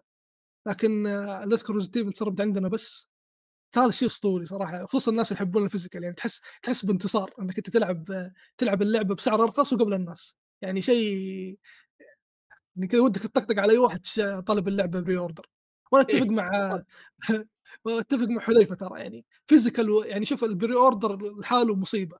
فإنك تطلب physical pre-order هذه يعني صارت مصيبتين مو مصيبة واحدة. خصوصا عندنا هنا في. في يعني خلينا نقول آه، في السعودية لأنه الوضع اللوجستي يمشي حالك. فأنت ما تدري. يعني يعني شوف آه، أنا كنت بطلب لعبة سقوط أطلس لكن كنسلت وعلى حظي يعني الحمد لله إني كنسلت ما دفعت فلوس. ما طلبتها طلب مسبق لأنه وصلتني نسخة مراجعة فكان آه، يعني شيء كويس إنه ما دفعت فلوس وضيعتها يمكن ممكن أشتريها بعدين لا رخصت يعني زي زي ما سوي سالم وحذيفة. هذه الألعاب إذا أنت لعبت لعبة digital زي كذا انتظر لين توصل 90 ريال 50 ريال اشتريها physical أما تشتريها digital بعدين physical مرة ثانية صراحة ما ضيعت فلوس. ف يعني كنت بطلب سقوط أطلس بس يوم يعني يوم سقوط أطلس هو يوم الخميس وإحنا في السعودية. يعني يوم الجمعة اجازه فاذا بتطلب لعبة دائما حط هذه هذه في الحسبان خصوصا بتطلبها طلب مسبق يعني إذا مرة الدنيا حدتك وبتطلبها طلب مسبق physical حط هذه الأمور في الحسبان. لا تطلب يوم الخميس ابدا ولا تطلب يوم الجمعة مثلا يوم السبت لأنه غالبا اللعبة ما راح توصلك لين بعدين. واصلا خلقه لا تطلب مسبق يعني يعني انتظر. ما انت خسران شيء انتظر لين اللعبة تجي. أكيد محلات كثير راح يحاولون يوفرون خصوصا الألعاب ال- الكبيره محلات كلهم بيحاولون يتسابقون عشان يجيبونك أنت كلاعب تشتري من عندهم. فهذا رأيي ال- البيع المحلي واشوفه أفضل من إنك تشتري من برا صراحة. يعني برا اللي يميزهم عنا هنا في يعني في البيع المحلي هو موضوع الألعاب القديمة فقط لا غير. أما الألعاب الجديدة تشتريها من برا ممكن تدفع مبالغ أكثر ما تدفعها هنا. آه تمام. في نقطة أخيرة آه ذكرني إياها فيصل وصراحة نسيتها وهي مهمة جدا خصوصا صارت لي مع ديابلو اللي هي ديابلو 4 اللعبة مفتوحة عندنا في السعودية. لكن ما في أحد موفرها. مع إن يعني الكلام هذا أنا تقريبا شاريها نهاية شهر سبعة واللعبة نازلة بداية شهر سبعة. يعني شيء كان يعني شيء كان شيء يقهر صراحة لدرجة إني ما في خيار أطلبها إلا من برا. بعدين فكرت فيها أكثر من شخص قال لي قال لي يا عمي خلاص يعني اشتري لعبة digital وفك نفسك يعني تطلبها من برا وتستناها تجيك. ما يعني الوضع ما عاد صار يسوى. فللأسف يعني يعني هذه خصوصا لعبة Diablo يعني شكل الغلاف ال physical حقها يا رجل أسطوري بشكل غير طبيعي. آه Lilith ولون أحمر. يعني كان الغلاف يعني أتوقع أي شخص آه، يعني ممكن حتى الناس اللي ما لعبوا اللعبة وما يبون يلعبونها لو يحصلون اللعبة هذه مثلا ب 100 ريال ولا 80 ريال بيشترون بس عشان الغلاف. لأنه شكله جدا جميل. فاللعبة هذه ما توفرت عندنا وطبعا السبب هو الوكيل أو أغلب الوكلاء زي كذا نظامهم للأسف. إنه أنا بس ابى أوفر الألعاب اللي اللي أنا أعرفها. لعبة أنا ما أعرفها ما راح أوفرها للناس. يعني أنا أتوقع وكيل آه، Diablo هو نفسه وكيل COD. يعني COD تحصلها في كل مكان يعني باقي بس تروح تدخل البقال وتحصلها مع إنه يعني لعبة زي COD أتوقع أنا الوحيد في السعودية اللي أشتريها physical يعني. آه، أتوقع الباقيين كلهم يشترونها digital. خصوصا لأنه digital إذا شريتها يخليك تلعب قبل الناس. يعني اشتريتها ب 100 دولار مثلا على النسخه تلعب قبل الناس بأسبوع وما أدري إيش موضوع إنك تحمل بدري لأنه COD معروف أحجامها كبيرة فما عاد أحد يشتري digital. آه، قصدي physical اللي هي لعبة COD. تقريبا ما في إلا أنا وكم واحد يعني. والوكيل موفرها بكثرة غير طبيعية لكن لعبة زي Diablo الوكيل سحب عليها. فترى هذا شيء يعني صراحة يقهرك. يا خلاص أنت أنت وكيل الشركة وفر كل ألعابها حتى لو كانت اللعبة تافهة وفرها. زي عندك يعني Bandai Namco. مع إنها شركة يعني كناشر يعني عليهم ملاحظات كثير خصوصا عندنا في المنطقة العربية. لكن الوكيل حقهم يا رجل لو تنزل لعبة لعبة weebs يوفرها لك عادي ما عنده مشكلة دام اللعبه مفسوحه راح يوفرها لك. يعني وهذه يعني قلت هذه تب إنه ترى اللعبة تنزل عندنا في السعودية اللي هي Armored Core 6 وتتوفر حاليا متوفر طلب مسبق آه عند الإلكترونيات الحديثة اللي هم وكيل PlayStation. يعني آه ما أدري ليش في وكلاء زي كذا بس في وكلاء غير مهتمين مع إنه أنت كوكيل لشركة ما عندك إلا هذا الوظيفة يعني. أنت أنت وظيفتك الوحيدة في الحياة إنك توفر نسخ physical بس. هذا الشيء الوحيد اللي أنت فاتح آه، شركتك عشانه بس. فإنه أنت تكون شخص ماسك هذا الم... هذا ال... هذا ال- على قولتهم هذه الوكالة وفوق ما توفر العاب physical إلا الشيء اللي أنت تعرفه ترى هذه شيء يعني شيء مزعج جدا. خصوصا إنه أنت يعني حتى لو مثلا نقول ألعاب ما تشد ألعاب مدري يعني هذا شيء آه خلينا نقول مخاطره العمل. شيء طبيعي إنه يصير في ألعاب راح تضرب عندك في ألعاب ما راح تضرب. يعني زي ديابلو ترى في كثير أعرفهم. يدورون اللعبة. إلى والى الان اللعبة ما توفرت إلا في موقع واحد بس. وأتوقع حتى هذا الموقع يعني جابه من برا ما ما هو جايبه من عند الوكيل ما هو جايبه بإصدار الشرق الأوسط. أكيد إنه جايبه بإصدار الأمريكي ولا الأوروبي. فترى يعني هذه من السلبيات اللي تقهر إنه في بعض الألعاب ما تتوفر لأنه الوكلاء ما يعرفونها أو ما يبون يجيبونها لنا. بس يعني ماخذين دور ال- الرقابة الأبوية مع إنه اللعبة مفسوحة عندنا. يعني أنا ما أقول لك جيب لي لعبة ممنوعة أو مثلا جيب لي The Last of Us ولا جيب لي Final Fantasy لا أنا أقول لك جيب لي لعبة مفسوحة لعبة آه يعني مطابقة لكل شيء قانوني عندنا. هنا لعبة الدولة قالت هذه لعبه مسموحة مسموح للناس يشترونها بشكل رسمي زي زي ديابلو وعليها تصنيف السعودي. ما في أي عذر انه لعبة زي ديابلو ما تتوفر إلا انه الوكيل يعني على المخرج عاوز زي كذا بس. فهذه هي نقطتي. وما أدري يعني سالم دامك في الامارات هل هل عندكم ذي الأمور؟ الاشياء هذه هل تصير عندكم؟ ولا عشانكم في الإمارات وعلى قولتهم أغلب الشركات عندكم ما الحركات هذه ما تصير؟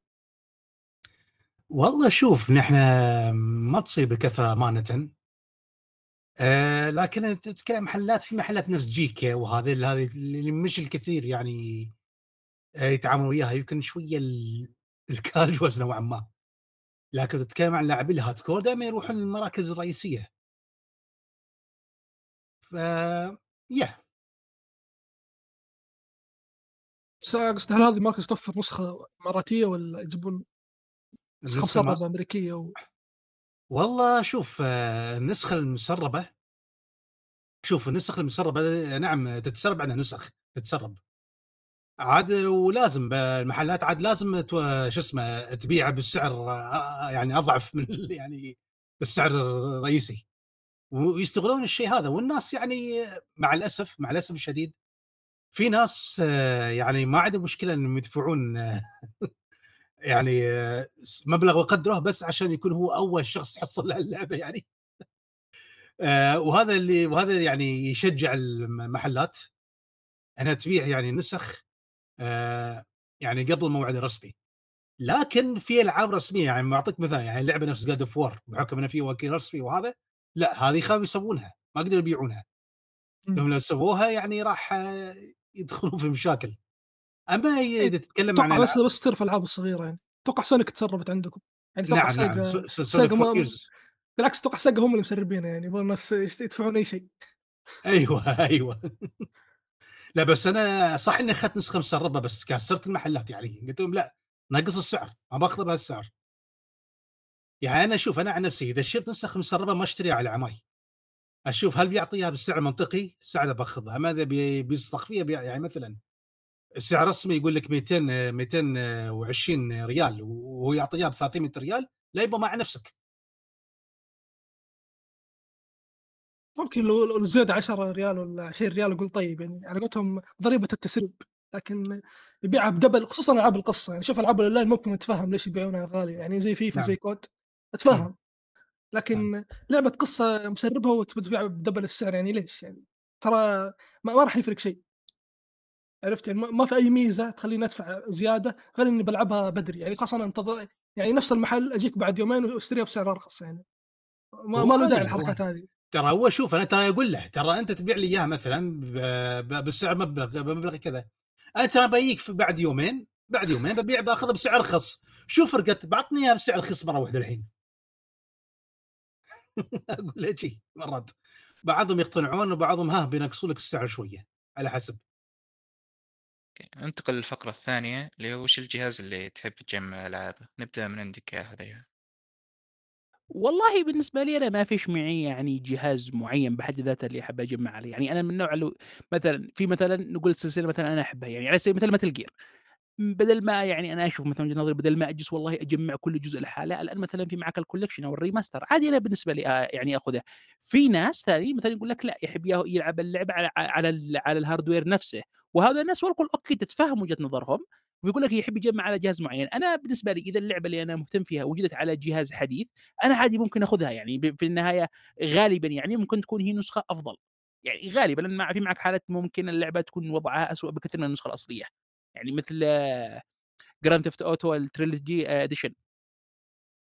بس كمان ال- الموضوع اللي قبل شوي هل تشوفون السوق المحلي يوفر retro وألعابه بشكل يخليك تستغني عن تشتري من برا أو هذه المشكلة لا زالت موجودة إلى الآن إيش رأيك حذيفة؟ شوف أنا بالنسبة لي وضعي أنا هو مختلف شوية عن وضعكم، فأقدر أقول لك إن سوق ال retro عندنا حاجة تكاد تكون شبه معدومة يعني أساسًا.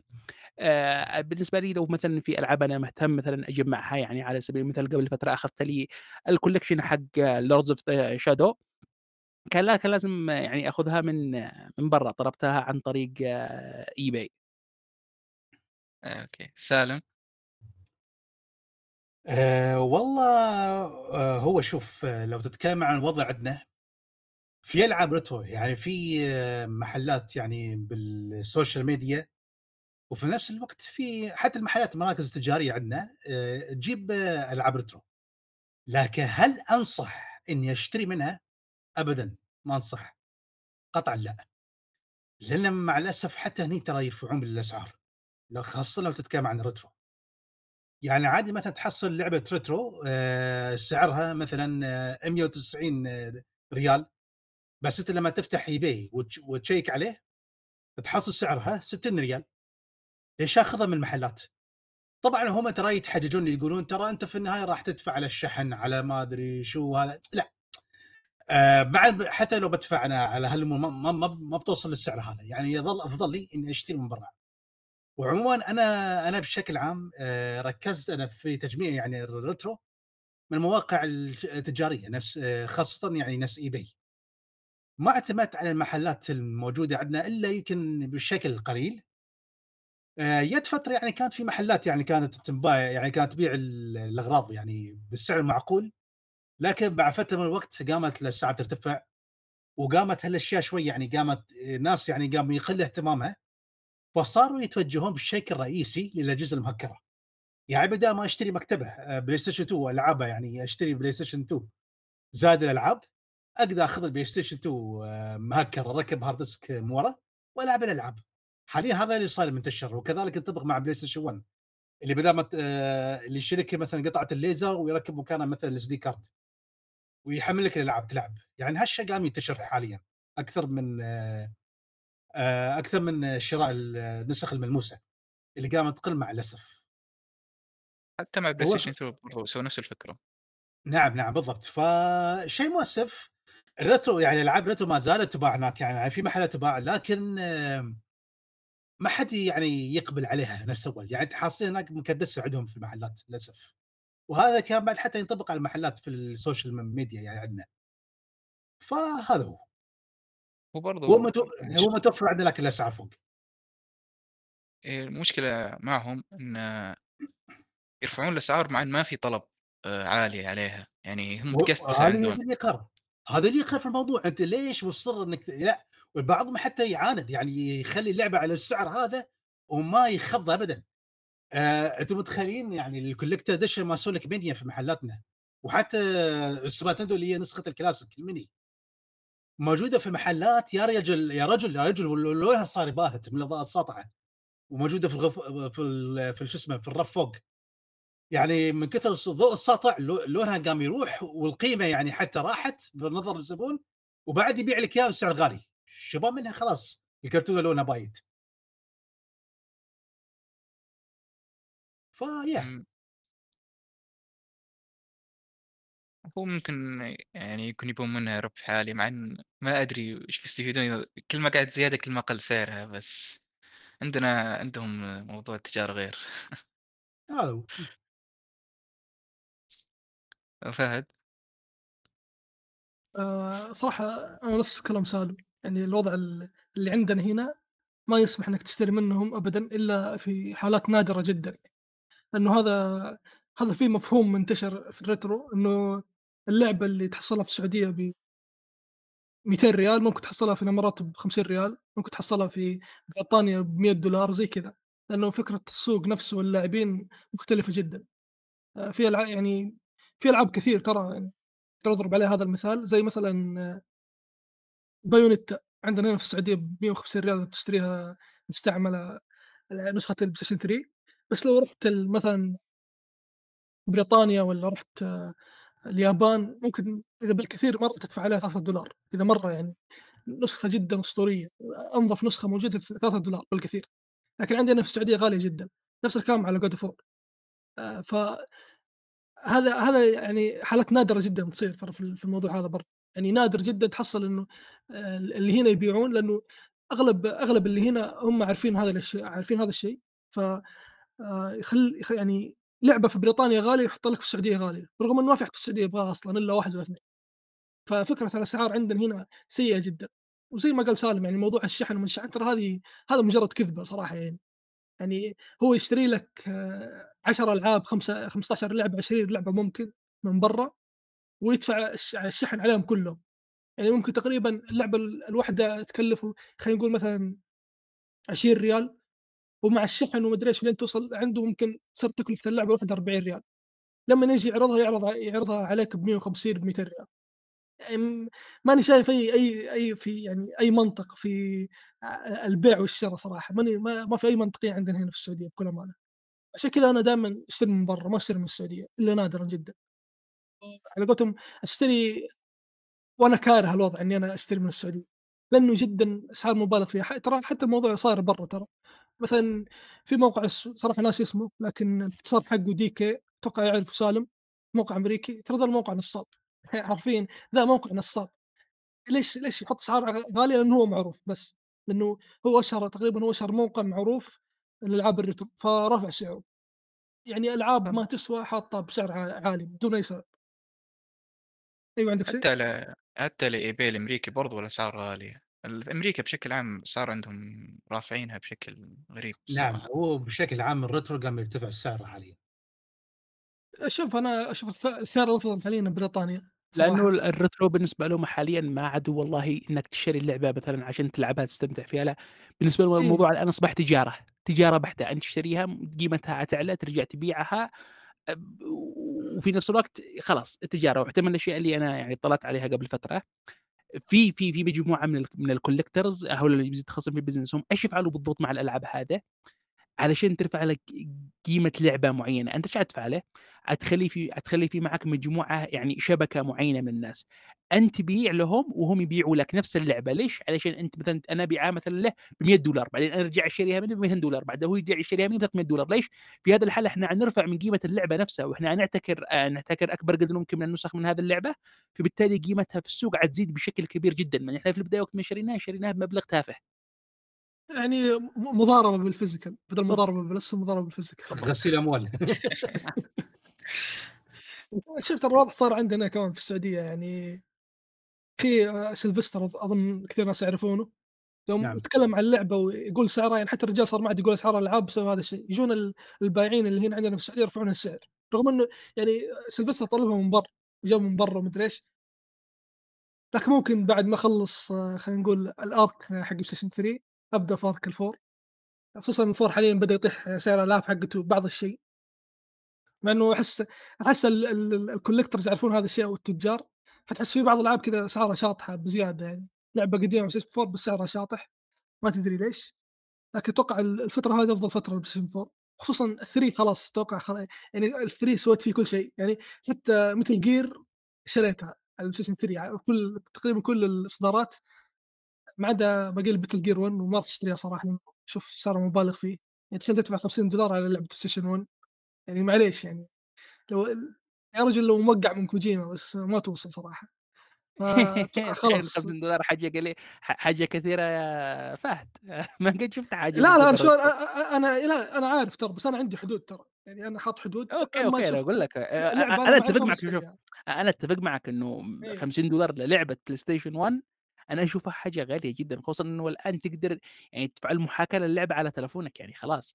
بس أنا أقول لك لو تتخيل إن 50 دولار هذا حاجة غالية لا أنت ما قد شفت حاجة يعني. أقول لك ما, ع- عارف عنوصل عنوصل و- في- ونتكلم على بعض الأسعار يعني. أنت أنت شفت ب... شفت فاينل فانتسي بيكسل ريماستر اللي نزلوه مم. سكوير انكس قبل فترة؟ آه، نزل على الهواتف صح؟ على الهواتف والسويتش. نزلت في كل مكان.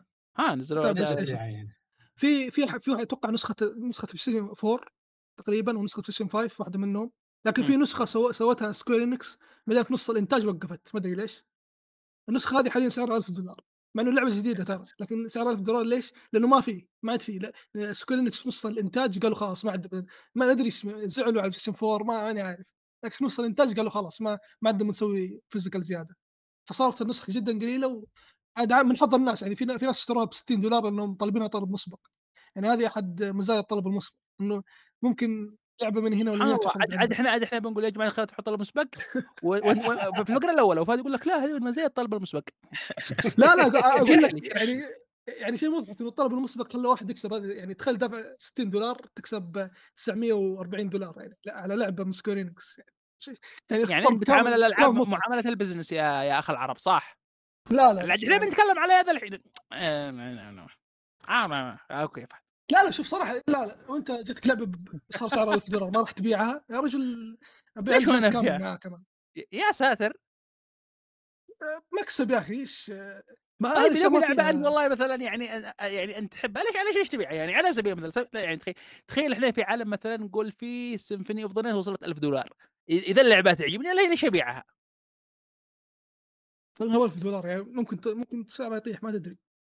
والله. يا حذيفة أنا أعرف في ناس collectors يعني آه، شيء دقت راسهم كانوا عندهم collection ات نادرة جدا آه. إحنا حتى ما نحن فيها. حصلناهم فجأة با- با- بايعين كل شيء. سألتهم ليش يقولوا مليت زين قلنا okay مليت خلاص. بس بعد فترة نلاقيهم يريدون يفتحون الموضوع مرة ثانية أنا الصراحه ندمت. ندمت على شو؟ بعت ال collection ي مو انت اللي اللي بعت يعني انت من قناه نفسك بعت. يستاهل يستاهل يعني. خلاص مليت خلاص خبيهن آه، للزمن آه، اطرحهم في و- والمخزن حق البيت. خلاص okay لكن قوم يبيع ال collection لا، في ذا الحاله يستاهل. بالضبط يعني ما أحس بقيمة الشيء اللي بعد ما فقده. okay ننتقل للمحور الثاني اللي هو ش- بعض الشركات مؤخرا آه، صارت تصدر ألعابها بشكل رقمي فقط مثل ألن ويك وبرضو لايك دراجون جايدن ياكوزا بس جايدن. في اليابان ياكوزا جايدن ولا تزعل نعم ف ياكوزا ه- هل توجه الحين هذا لو صار كل الشركات من الآن تبدأ تصير توجه بس digital هل تشوفونه مناسب الآن ولا توه يعني في له وقت؟ آه، إيش رأيك آه، حذيفه؟ آه، طبعا هذا هو أساس أساس يعني أنا كنت أساسا ناوي أدخل البودكاست هذا بسبب بسبب هذه النقطة يعني وقت ما شفتكم تتناقشوا حتى في بدايتها. هذا السبب اللي خلاني يعني أدخل البودكاست يعني. آه، شوفوا آه، بالنسبة للشركات الموضوع عندها business صافي. فمن لو تجي ال business منطلق الصافي يقول لك ال digital بالنسبة لهم هو ما فيش حاجة أفضل منها بالنسبة لهم. لأنه على عكس ال- ال- ال physical وال- وال- والخسائر الكثيرة اللي ممكن يسببها لهم أرباحهم من ال digital حاجة غير طبيعية.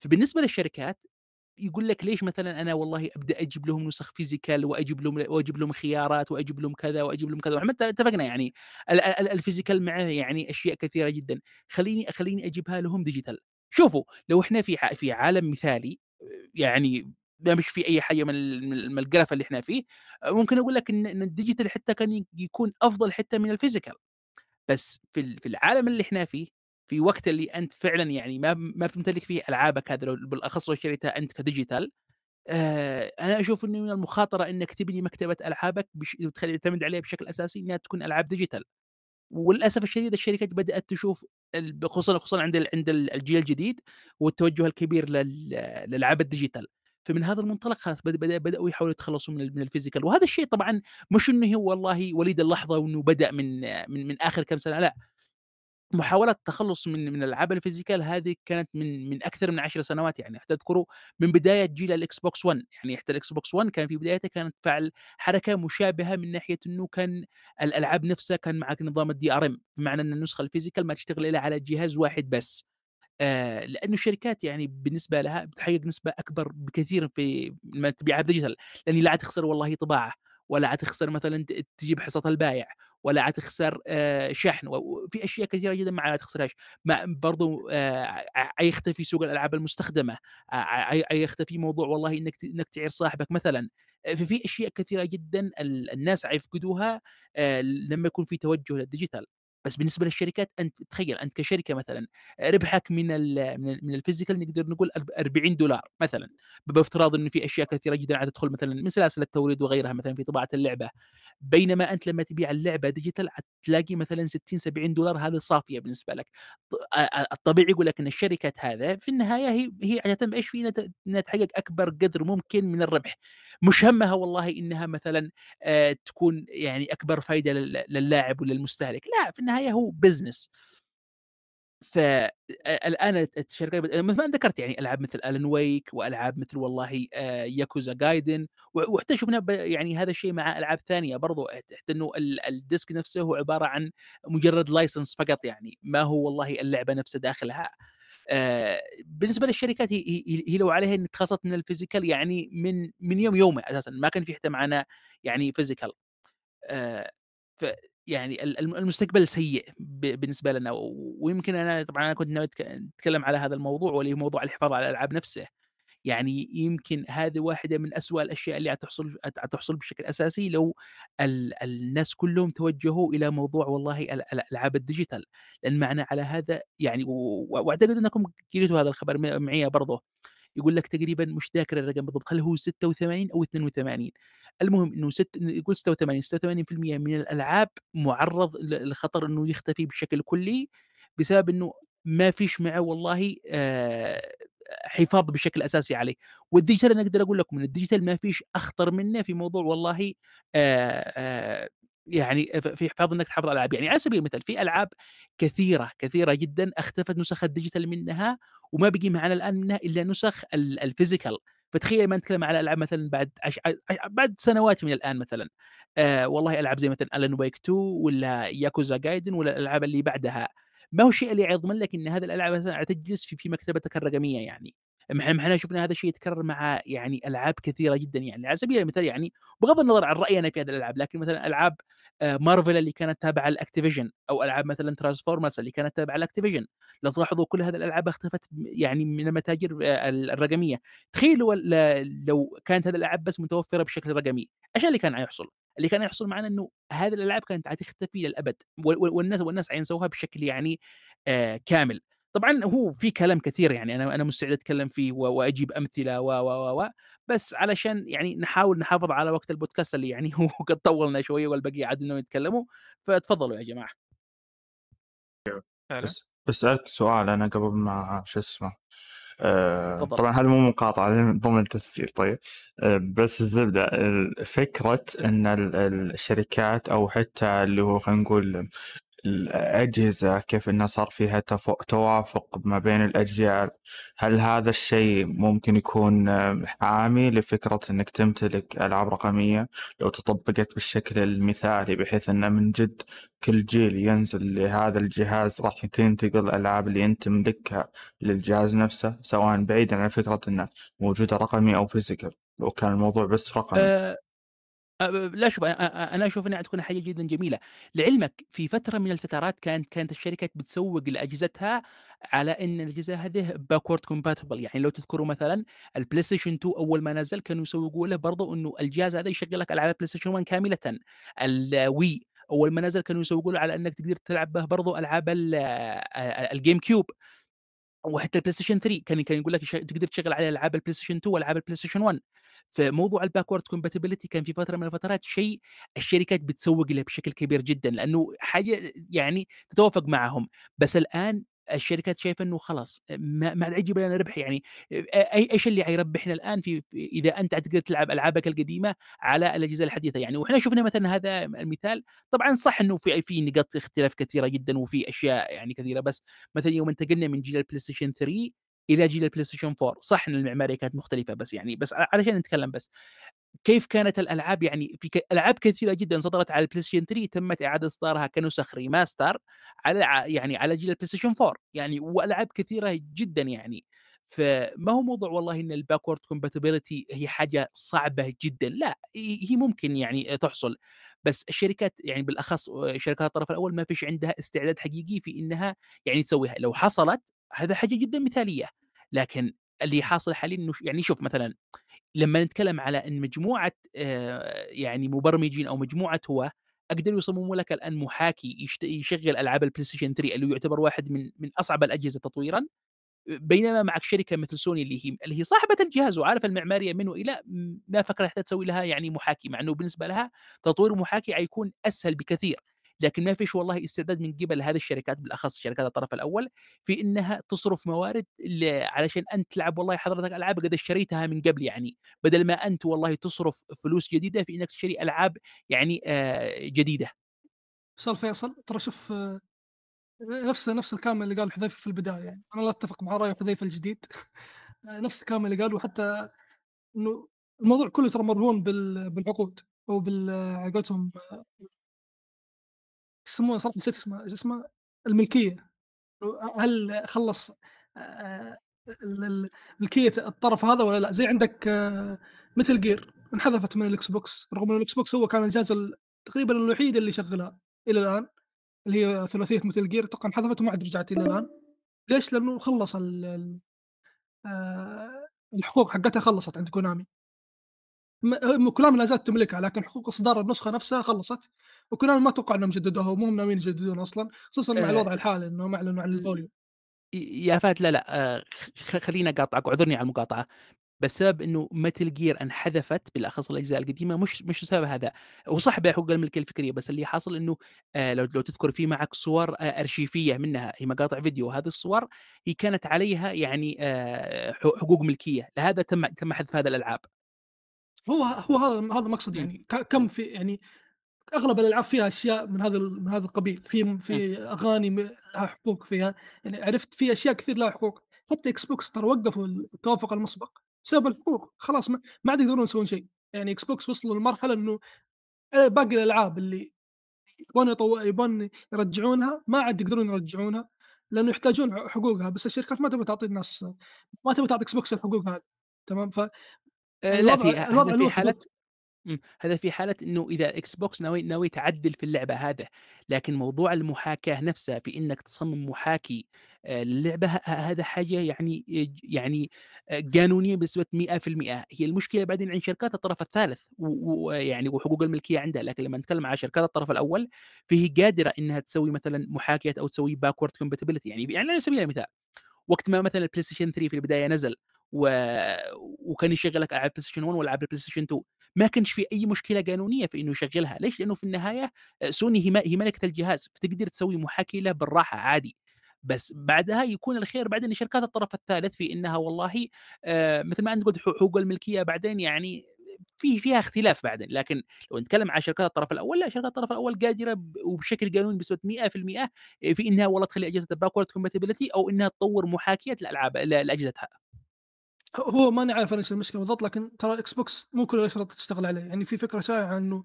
دخّل أي شريط Xbox ويشتغل في Series X. ترى هذا الشيء غير لأنه غير صحيح، آه، آه في في ألعاب ما تشتغل. بالضبط، هو ليش هذا ما بتشتغل؟ لأن الألعاب هذه هي هي ال المحاكي اللي داخل Xbox هو محاكي software.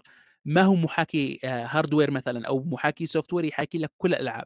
لا هو يعني عاد امامه شوط آه، كبير جدا عشان إنه يشغل لك كل الألعاب الموجودة. و Xbox في النهاية هي ليش تحاول تتعب نفسها في هذا الشيء. هي أخذتها كعامل تسويقي بالأخص في في الفترة اللي كانت فيها يعني في الحضيض. في كانت تحاول تكسب. تكسب الجمهور برضه عن طريق والله موضوع ال backward compatibility برضه إيوه يعني شوف ترى هذه نقطة إنه ترى الشركات ما راح يسوون هذه الأشياء لين يا إنه يكون في الحضيض يا إنه إنه الأشياء هذه أصلا ما تستاهل. ويشوف يعني بين قوسين ما تستاهل وقته. يعني نفس النقطة أنت ذكرتها يعني مو معقولة شركة زي PlayStation ما تقدر تسوي محاكي ما ابد شيء غير طبيعي. إنه يعني يتم إدراج هذه الفكرة في في عقل الناس PlayStation تقدر لكن بكل اختصار أتوقع هذا الكلام ترى ناس كثير قالوه خصوصا قبل ما تصدر خدمة اللي هي الخدمة الحالية بس المجددة لما طلع إشاعات إنه الجهاز بيشغل ألعاب PS3 وما أدري إيش برضو براءة اختراع مارك سيرني. هذا الاشياء كله لما طلع طلع أكثر من شخص يعني مبرمجين ومطورين ولهم قد اشتغلوا مع سوني يقول سوني ما تبغى تدفع. ترى الموضوع سهل الموضوع يحتاج بس فلوس وسوني ما تبغى تدفع فلوس. فهي هذه هذه هذه المشكلة المشكلة كلها في موضوع التوافق المسبق. هو فكرة ممتازة وإلى آخره لكن فكرة ممتازة للشركة بتدفع فلوس. صراحة ما أتوقع في شركة بتتعب نفسها تدفع فلوس لأمور آه، يعني إذا إذا رئيس شركة سوني بنفسه PlayStation بشكل صح يقول ما في حد يحب الألعاب القديمة. فأتوقع شخص زي هذا بيدفع ملايين عشان يخليك تلعب God of War 1 مثلا على ال PlayStation 5 لا بي بيحصل لك graphics حقها. بعدد خمسة موظفين يحصلون graphics كامل يبيع لك 70 دولار ويقول لك تفضل هذه هذه هذا ال remake اللي ما أقدر أشغله إلا ال SSD حق PlayStation 5 فللأسف هذا هو الوضع لا لا يسموها God of War Part 1 بس سالم أو بدر تبغى ننتقل مكان ثاني إيه. عشان هذا بيقفل ننتقل أفضل شوف الموضوع هذا هل هذا الوقت مناسب للتوجه هذا؟ آه هو شوفوا مشكلة حذيفة قال كل اللي في ناوي أقوله وزيادة. ما خللنا شيء بس ما مشكلة بختصر الموضوع. آه هل هل التوجه مناسب للشر... يعني للشركات؟ شوفوا آه الشركات يعني نفس ما قال حذيفة ال digital حاليا هو المربح أكثر شيء. ما راح يكلفون نفسهم آه طباعة النسخ وطباعه الأمور الأخرى والهذا وقاعدين يوزعون نسخ. فطبعا ما في مجال الشك إن شو اسمه إن ال digital حاليا هو المربح لكن هل هالشيء في صالحهم إنهم يوقفونه حاليا؟ لا طبعا. آه، أوكي صح إن حاليا إن ال digital ارتفع يعني نسبته بشكل كبير جدا لكن ما زال في فئة من اللاعبين ما زال عندهم وفاء لل physical فبالتالي الشركات ما يعني ما تقدر تتوجه لهالشيء بالجيل الحالي يعني على الأقل الجيل اللي عقبه يمكن. آه لا تنسوا إن حتى جهاز ال Switch آه جهاز ال Switch آه ال physical حاليا فيه يعني مرتفع أكثر حتى من digital ف حاليا مش من صالح الشركات يعني في الوقت الحالي انها توقف من تصنيع ال physical. وأنا ما أتمنى الشيء هذا في لعبة في لعبة أنا كنت ألعبها. كنت باخذ نسخة ال Switch digital. آه طبعا لما نزلت نسخة Zelda من ال Switch أنا أنا اضطريت أشتريها عشان لأن شكلها كان حلو ومغري وهذا. فسويت نقل بيانات. لما سويت نقل بيانات بلعب اللعبة هذه. اللعبة يعني تشبه دوم نسيت اسمها.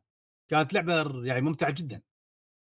آه فالمهم أنا جيت أبغى أنزلها. مرة تعرفون لما أنتم آه تاخذون جهاز جديد وتنقلون بياناتكم لازم تردون الالعاب اللي أنتم نزلتوها مرة ثانية. الجهاز حرفيا ينقل ملفك وينقل تخزيناتك بس ما ينقل ألعابك وهالشيء غبي. لازم ترد تنزل الألعاب digital مرة ثانية. المهم دشيت أبغى أنزل اللعبة هذه عشان ألعبها وأكملها. لقيتها مش موجودة في ال store. شو السالفة؟ رحت طالعت قاعد أشوفها في ال store مش موجودة اللعبة. أسوي لها search اكتشفت بعدين أنها حذفت من ال store لانتهاء التراخيص وهذا. أنا هنا قاعد ألطم. قاعد ألطم وأتحسر. ويا سب سب في ال digital. فالمهم أنا شو سويت؟ قاعد أشوف حل. اكتشفت إن في في نسخة physical حق اللعبة هذه. أنا ما كنت أعرف إن في لها نسخة physical سويت search بالصدفة حصلت في امازون يعني إن في لها نسخة physical على طول طلبتها. وصلني يعني خلال فترة قصيرة وكملت اللعبة عن طريق ال physical هذا. هذا عشان الناس تعرف يعني فائده ال physical يعني في الوقت الحالي. شوف بالنسبة أنت كلاعب okay يعني في بعض. أنا أعرف إن في عدد كبير من اللاعبين مرتاحين حق digital مريح لهم ما راح يضطرون إنهم يلفون في الرف وهذا والكلام لكن في نفس الوقت تفكر فيها إذا في لعبة معينة أنا عارف إن هالشيء قليل حدوثه لكن آه أنت فكر فيها لما لما اللعبة رهيبة ينتهي ترخيصها وما تقدر تحصلها ما في طريقة ثانية فما يمنع إنك حاليا تبني مكتبتك يعني آه بال physical ولو بشكل بسيط. فيب هذا هو. باقي الكلام يعني حذيفة يعني فصلة. okay. فهد؟ حذيفة وسالم قالوا كل الكلام تقريبا. بس أنا عندي نقطة أشوف قليل يذكرونها. أنا أشوف إنه هذا الجيل هو جيل آه، يعني أفضل جيل لسوق ال physical خصوصا مع سالفة ال 70 دولار. يعني 70 دولار آه، صح إنها نكبة لجيوب اللاعبين لكن في نفس الوقت رجعت قيمة ال physical صراحة هذا الجيل. لأنه أنا شايف إنه هذا الجيل من يعني عدد الناس اللي صار مهتمين بال physical عشان موضوع الأسعار صار أكثر من السابق. لأن السابق كان سعر ال physical نفس سعر ال digital ما تفرق.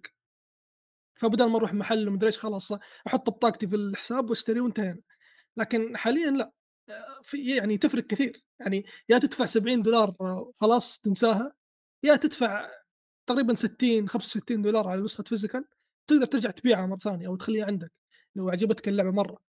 فأنا أشوف إنه الجيل هذا يعني آه، ال physical فيه شوية روح باقي. يعني ممكن آه، يعني ما أدري ممكن. لما اللاعبين يتعودون على الموضوع ال 70 دولار وصار ما عندهم مشكلة معاه ممكن وقتها فعلا ال physical ينتهي.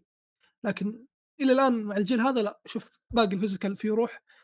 أما لعبة Alan Wake صراحة يعني أنا م- المو مزعلني إلا الكلام اللي قالوه لأنه كلامهم بكل أمانة تافه جدا جدا تافه.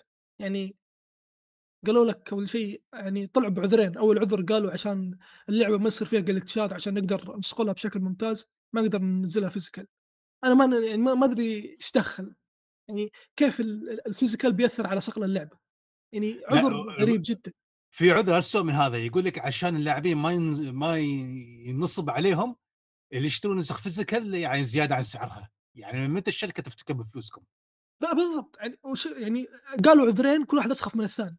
لدرجه ان حتى و THQ راحوا لهم قالوا أيوه،. إحنا بنسوي physical ما عندك مشكلة. يعني هذا أكبر دليل إنه ترى الموضوع إنه الناس اللي يقولون ترى أسعار ومدري إيش وفلوس وميزانية ترى ما أتوقع هذا الموضوع يعني مؤثر بشكل كبير بكل أمانة.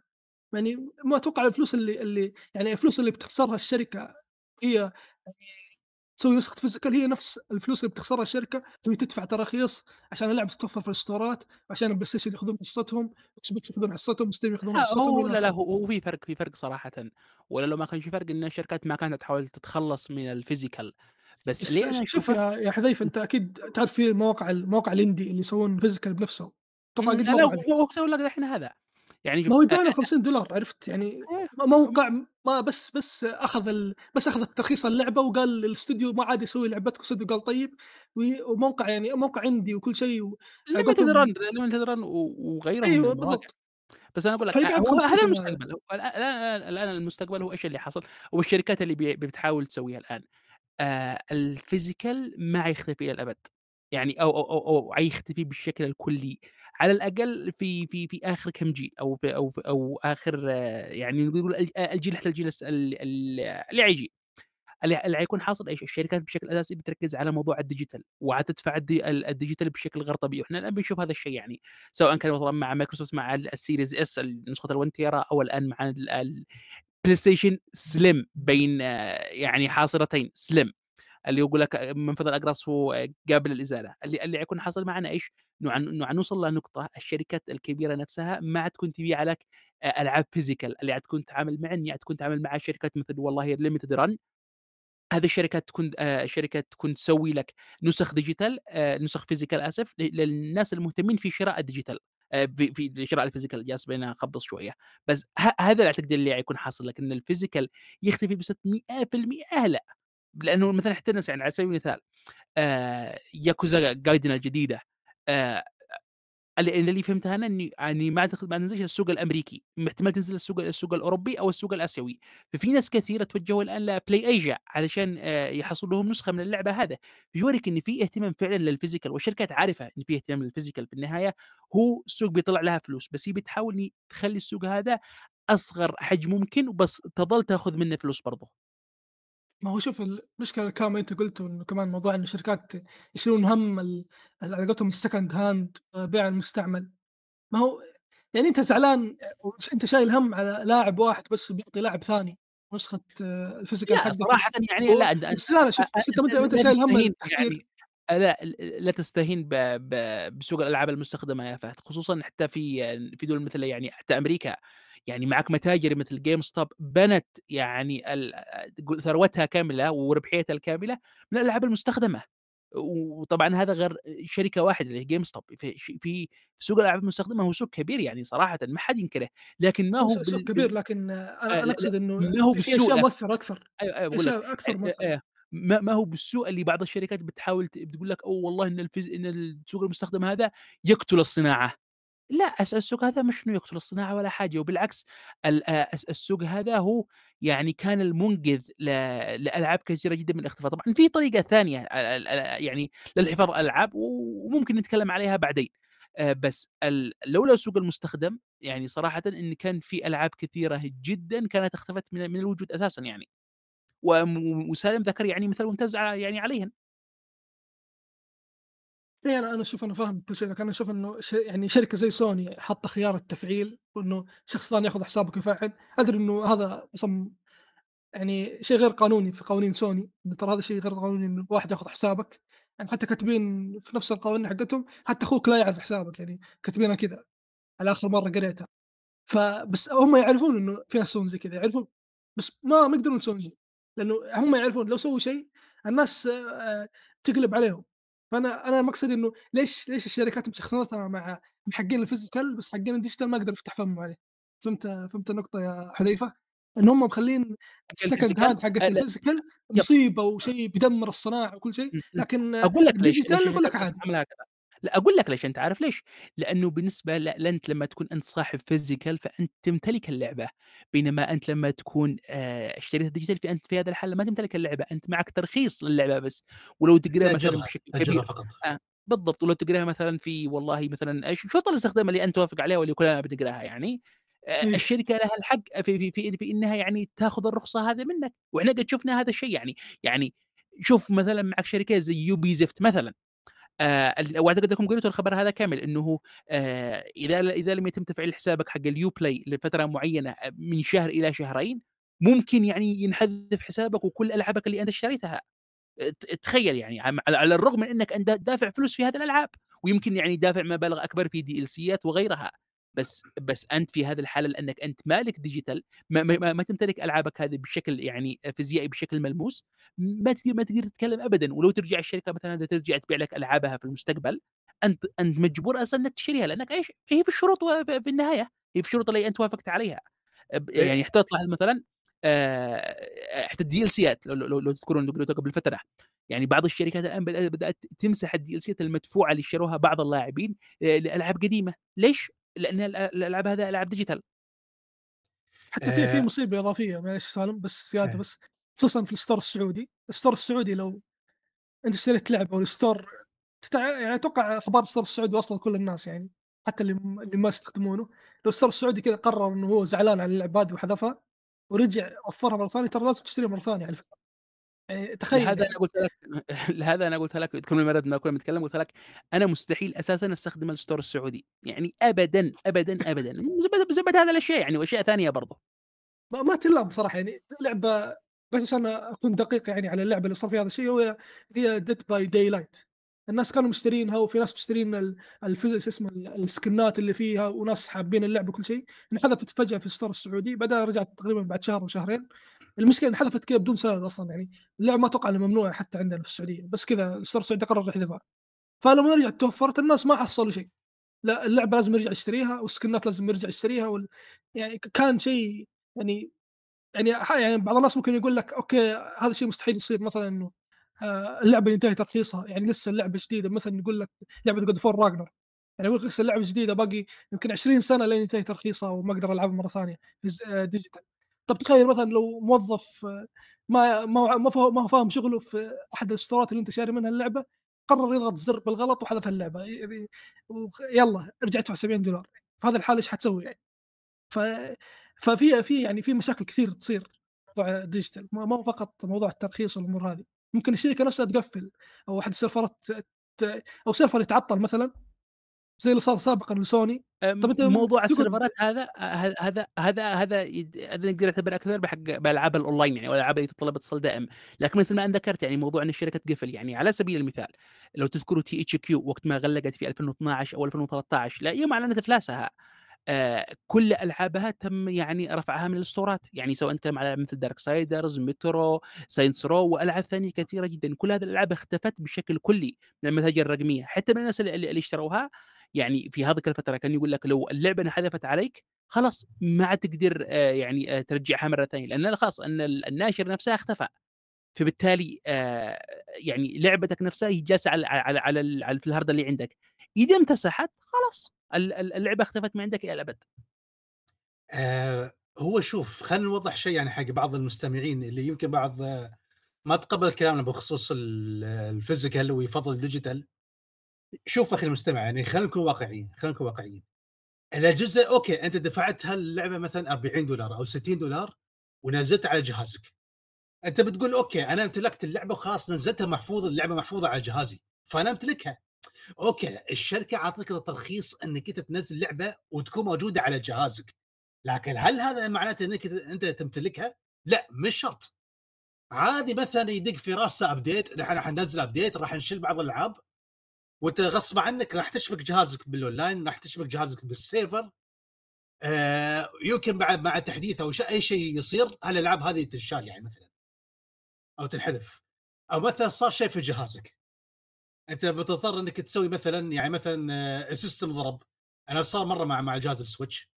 آه، ال system انضرب مع مع- حسابك يتقفل مثلا. يعني. آه، آه، إيه إيه. إيه. زين؟ إيه، حسابك يتقفل مثلا فبالتالي خلاص يعني آم، راحت عليك. ما بتقدر تسوي شيء في الحالة يعني إذا جهازك انضرب جهازك تقفل فراحت عليك. ف okay digital شيء جميل لكن النقطة اللي بنوصلك إياها انه مش منصة آمنة مش منصة آمنة. إذا حتى لو صار شيء في حسابك حتى لو صار شيء في جهازك ال physical على الأقل تقدر تستخدمه على أي جهاز آخر. وإذا ما حسابك ما زال سليم ما- تنزل حسابك على جهاز جديد وتك... وتلعب اللعبة هذه. فأنت فعليا يعني بال digital أنت ما تمتلك اللعبة لك لك, يعني ملكية اللعبة بشكل كامل. ال physical هو اللي يعطيك الملكية. طيب لا وحتى يا سالم يعني إذا ما حصلت أي حاجة بهذا لحسابك يعني آه في لعبة نسيت اسمها هذا كانت نزلت أيام ال Xbox 360 آه كانت لعبة آه آه آه، shooter أركيدي آه، أركي آه أركيدية مثل طبعا shooter مش قصدي مثل COD لا لا آه مثل آه يا ربي إيش اسمهن نزلت مجانيه صح؟ آه، لا لا هي, هي, هي كانت مدفوعة آه، تشبه جالاكتيكا اعتقد اللي أنت عرفتها اللي كانت على آه، على, إيه، على. الإنيس الشاهد نعم. إيش آه. الشاهد إيش كانت لعبة طبعا هي هي لعبة يابانية في الأصل بس كان في ناشر اللي أعتقد إنه كان إكسيد على ما على ما أعتقد فالشاهد إيش إنه انتهت التراخيص حقهم يعني ال- والشراكة اللي كانت بينهم فاللي حصل إنه اللعبة تم حذفها حتى من الناس اللي يعني كانوا اشتروا اللعبة نفسها تخيل يعني حتى لو انت شريت اللعبه الل- اللعبه تن- تنحذف عليك. وما وما رجعوا لك يعني مثلا حتى قيمة اللعبة نفسها. اللي حصل بعدها إنه كان في ناس معاهم اللعبة في يعني مخزنة عندهم. صدر للعبة تحديث آه، إذا حدثتها أنت آه، خلاص تدخل اللعبة ال- ال- ال- ما تقدر تلعب اللعبة خلاص. اللعبة تتقفل من من داخلها يعني. تخيل؟ لهذه الدرجة يعني. على الرغم من إن, يعني. إن اللعبة نفسها آه يعني تخيل على الرغم من اللعبة نفسها قد مخزنة في جهازك نزل لها تحديث يغلقها حتى داخل جهازك. مو هذا اللي يقهر في الموضوع؟ يعني حتى شوف يعني أنا من كثر ما أنا متحسر على المتجر مال ال Switch آه sorry أقصد المتجر مال ال Wii U وال 3DS. وكذلك ال Wii يعني شوف يعني أنت تع... أنا حتى شو أنا ملاحظ إنه في قنوات قنوات يعني حتى شادة حيلها يعني قبل ما ينغلق المتجر بشهر يحطوا لك شو قائمات الألعاب اللي تستاهل تشترونها وهذا. عدد كبير جدا من اللاعبين ما افتكروا. قاموا دامنا في طريقة لتهكير الجهاز. زين؟ وطريقة جدا سهلة نهكر جهازك ونزل اللي تبغيه ببلاش. وعدد مش طبيعي من الناس سووها ترى. أنت عارف ليش؟ طبعًا صح نسينا ما نذكر موضوع يعني ال المتاجر الرقمية، هذا طبعًا حاجة نسينا ما نذكرها كلنا، يعني وضيف فوقها إن سوني في إن كانت بتحاول أساسًا وهي لا تزال. في إنها تغلق المتجر الرقمي حق الPlayStation 3 والP والPSP والPS Vita، طبعًا هي غلقت حق الPSP وباقي الPS Vita وباقي الPlayStation 3 طيب لمّا آآ المتاجر هذه تتغلق يعني ب وطبعًا الWii U وال3DS وغيرها، أنت ما تكون قادر أساسًا إنك ت تسترجع ألعابك اللي أنت دفعت قيمتها كاملةً، خلاص آآ لأنه خلاص الخدمة نفسها اختفت. طبعًا Nintendo قالت أوه والله أنت إذا أنت معك مثلًا جهاز آآ من أجهزتك هذا خلاص تقدر تحمل الألعاب مرة ثانية، بس. في يعني حاجة ويقول لك إنه ما تقدر والله تسجل مثلًا حسابك في في أجهزة جديدة. يعني مثلًا كانت Wii Wii جديد أو 3DS أو غيرها، ما تقدر تسجّل فيها، فبالتالي خلاص ال ال ألعابك نفسها هي مرهونة بال بالجهاز اللي عندك، لو الجهاز هذا لا قدر الله خرب مثلًا، خلاص يعني حتى الألعاب المخزنة عندك ما تقدر تنزّلها مرة ثانية أو تربط حسابك بجهاز جديد. بس يعني مثل ما أنا ذكرت أول قُلت لكم مش في طريقة ثانية للحفاظ على الألعاب، أهم طريقة الآن حاليًا وممكن في ناس كثير يقول لك لا وما أدري إيش، بس أهم طريقة حاليًا إن الألعاب تم الحفاظ عليها إلى يومك هذا ألعاب كثيرة جدًا هي القرصنة. يعني والتهكير نفسها لولاها إن في ألعاب كثيرة جدًا، جدًا، جدًا اختفت، وما عاد أحد يتكلم عليها وم وما وحتى إن التاريخ نسيها بالكامل، يعني على سبيل المثال آآ لعبة زي Suikoden مثلًا، أ أنا مش مهتم فيها مثلًا، بس في في ناس كثير مهتمين فيها، جرّب مثلًا والله تدوّرها كنسخة آآ physical. سعرها يوصل لك فوق ال$500 زي مثلًا ج جيب جرّب والله مثلًا أنت مثلًا مهتم بألعاب ال Saturn، شوف شوف أرخص لعبة Saturn، Panzer Dragoon Saga مثلًا فوق ال$1500 شوف لك والله آآ ك Chrono Trigger آآ مثلًا آآ النسخة الأصلية، يعني كل كل كل هذه المبالغ، وحتى ألعاب يعني حدث نوعًا ما يعني، مثلًا مثلًا خُذ على سبيل المثال Silent Hill مثلًا.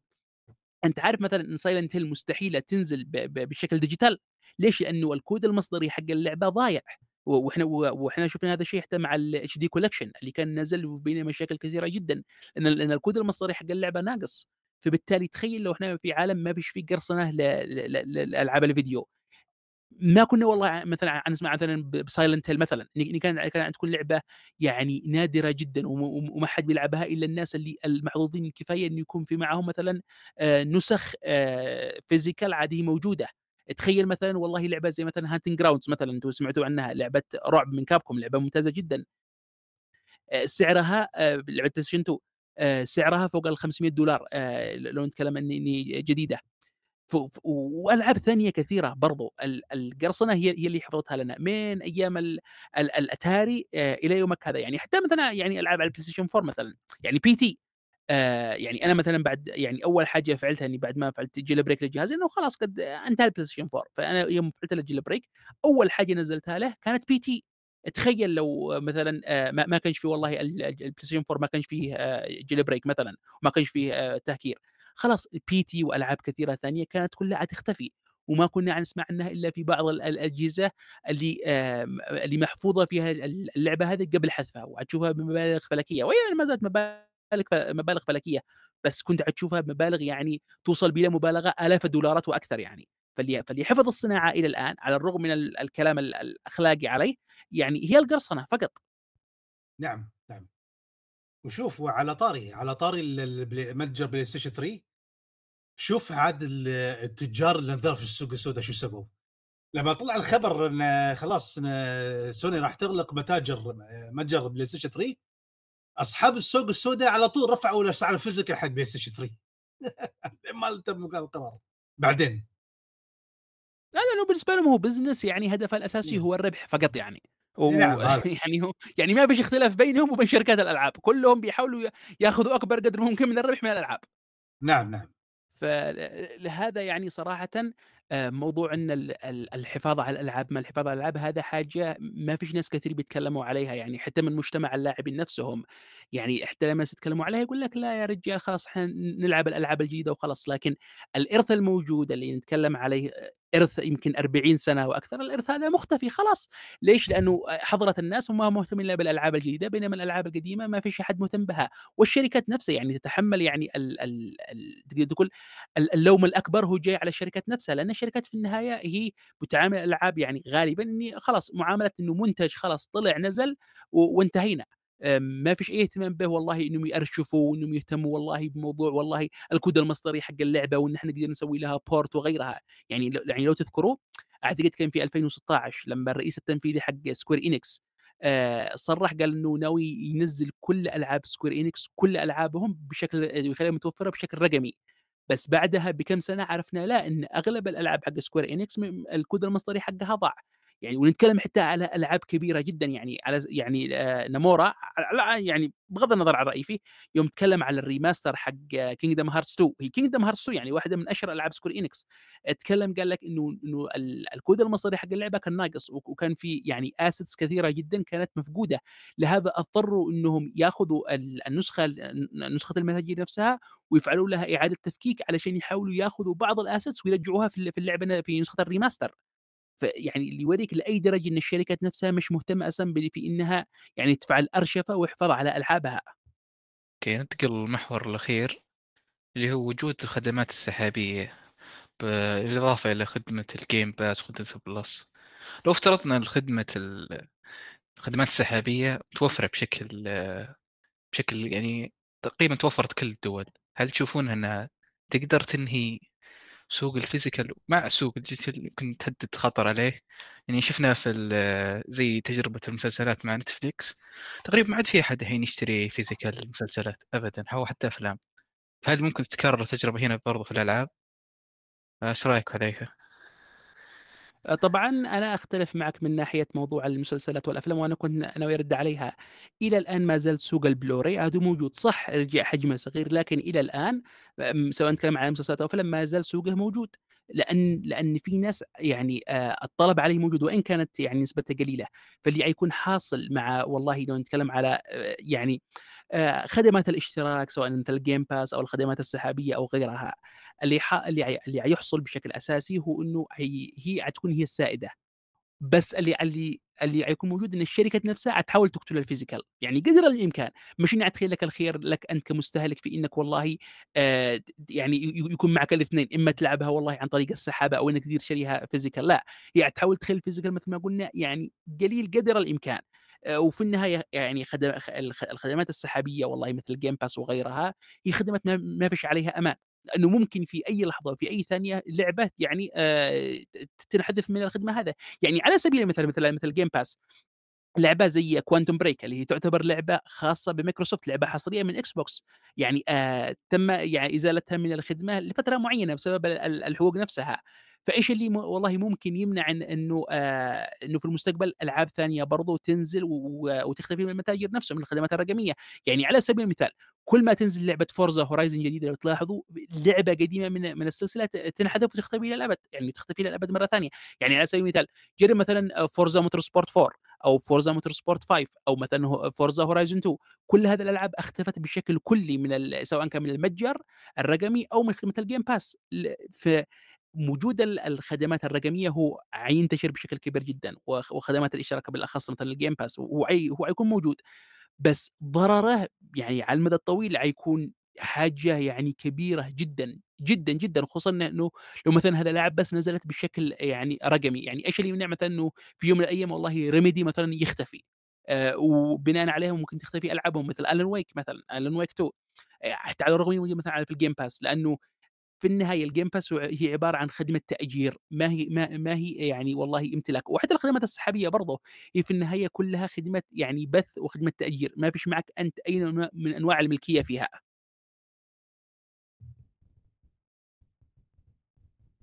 حتى يعني مع وجود إذا انتشرت الخدمات السحابية حتى ما يكون عندك فرصة إنك تلعبها كتحميل، تصير أنت بس مجبور تلعبها آآ كسحابة، فحتى يمكن خيار الdigital ممكن بعد يضعف مع الوقت. آه، وصح ممكن يعني ممكن بشكل كبير بس في في هذه الحالة إنه آآ حنتكلم على إنه حتى أجهزة ال console حتختفي، لأنه مهما كان إنك تقول لي مثلًا إنك ما عاد ما عاد تتيح لك ما عاد يتيح لك خيار إنك تحمّلها إن تلعبها في جهازك، معنى هذا إنه حتى أجهزة ال console نفسها حتختفي، فهذا ممكن يحصل فعلًا يعني، بس يعني هذا أعتقد إن لها حتكون لها فترة يعني أطول، بس إنه الشركات الآن الآن بتحاول تركّز تخلّي إنه ال digital هو المستقبل، بعدها بفترة عاد تقول تقول لك لأ حتى ال digital والملكية آآ حتى الاستئجار يعني حتى ما فيش، العبها على السحابة وخلاص. تمام. سالم؟ آمم، حذيفة قال كل اللي في بالي، بس أزيد على كلامه. شوف هو ما راح إذا لو لو فرضنا الخدمة السحابية حاليًا موجودة وشغالة بشكل ممتاز، يعني مثلًا جوجل ستيديا لو كان مثلًا لو كانوا فعلًا يعني وافين حق وعودهم وحققوها ما ما أظني بيأثّر حتى على باقي الشركات بشكل كبير. لأن ما زال في فئة كبيرة من اللاعبين ما زال عندهم وفاء حق ال digital آآ والphysical عمومًا، ما زال لأن في لاعبين ما زال عندهم وفاء. لكن آه، هل آه، هل راح يأثّر هذا على المدى طويل؟ يعني آه، نعم حرفيًا راح يأثّر، يعني تدريجيًا الجمهور راح ينتقل للخدمة السحابية بشكل أكبر، طالما إن الشركات تدريجيًا راح تمتنع يعني عن توفير نسخ ديجيتال أو حتى نسخ physical فالجمهور غصب عنه راح يتوجه للشيء هذا. وشو راح يصير يعني بعد ذلك؟ أتوقع يعني حتى الناس راح يتزاحمون يعني خلاص خاصة ال collectors راح يبدون يجمعون كل يعني collection حق ألعاب البلاي ستيشن 4 والعاب البلاي ستيشن 5 يعني آخر الأجهزة هذه. أو بلاي ستيشن 6 فرضا إذا أو سويتش 2 يعني. فرضا إذا يعني شو اسمه إذا كان في physical يعني موجود.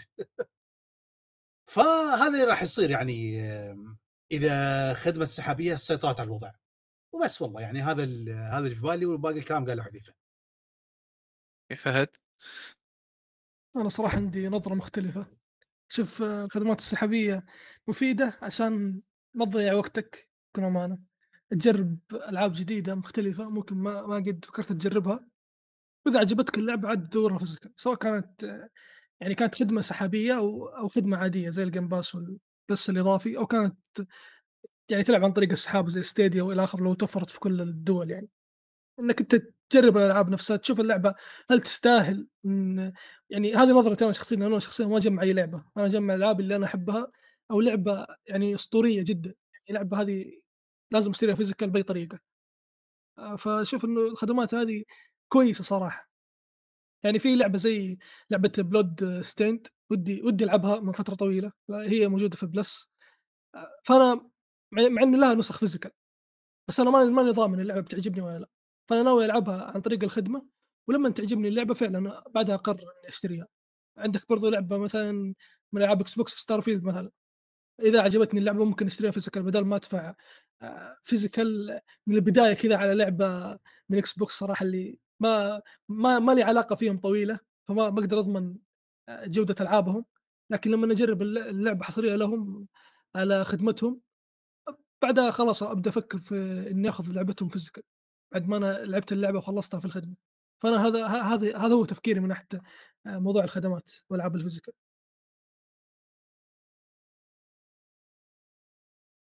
أوكي. وهنا وصلنا لنهاية الحلقة.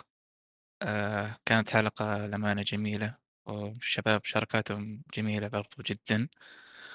وأعطونا رأيكم على موضوع الحلقة في الcomment وقيمونا في مواقع البودكاست، وكان هذا اللي عندنا، مع السلامة. إلى اللقاء.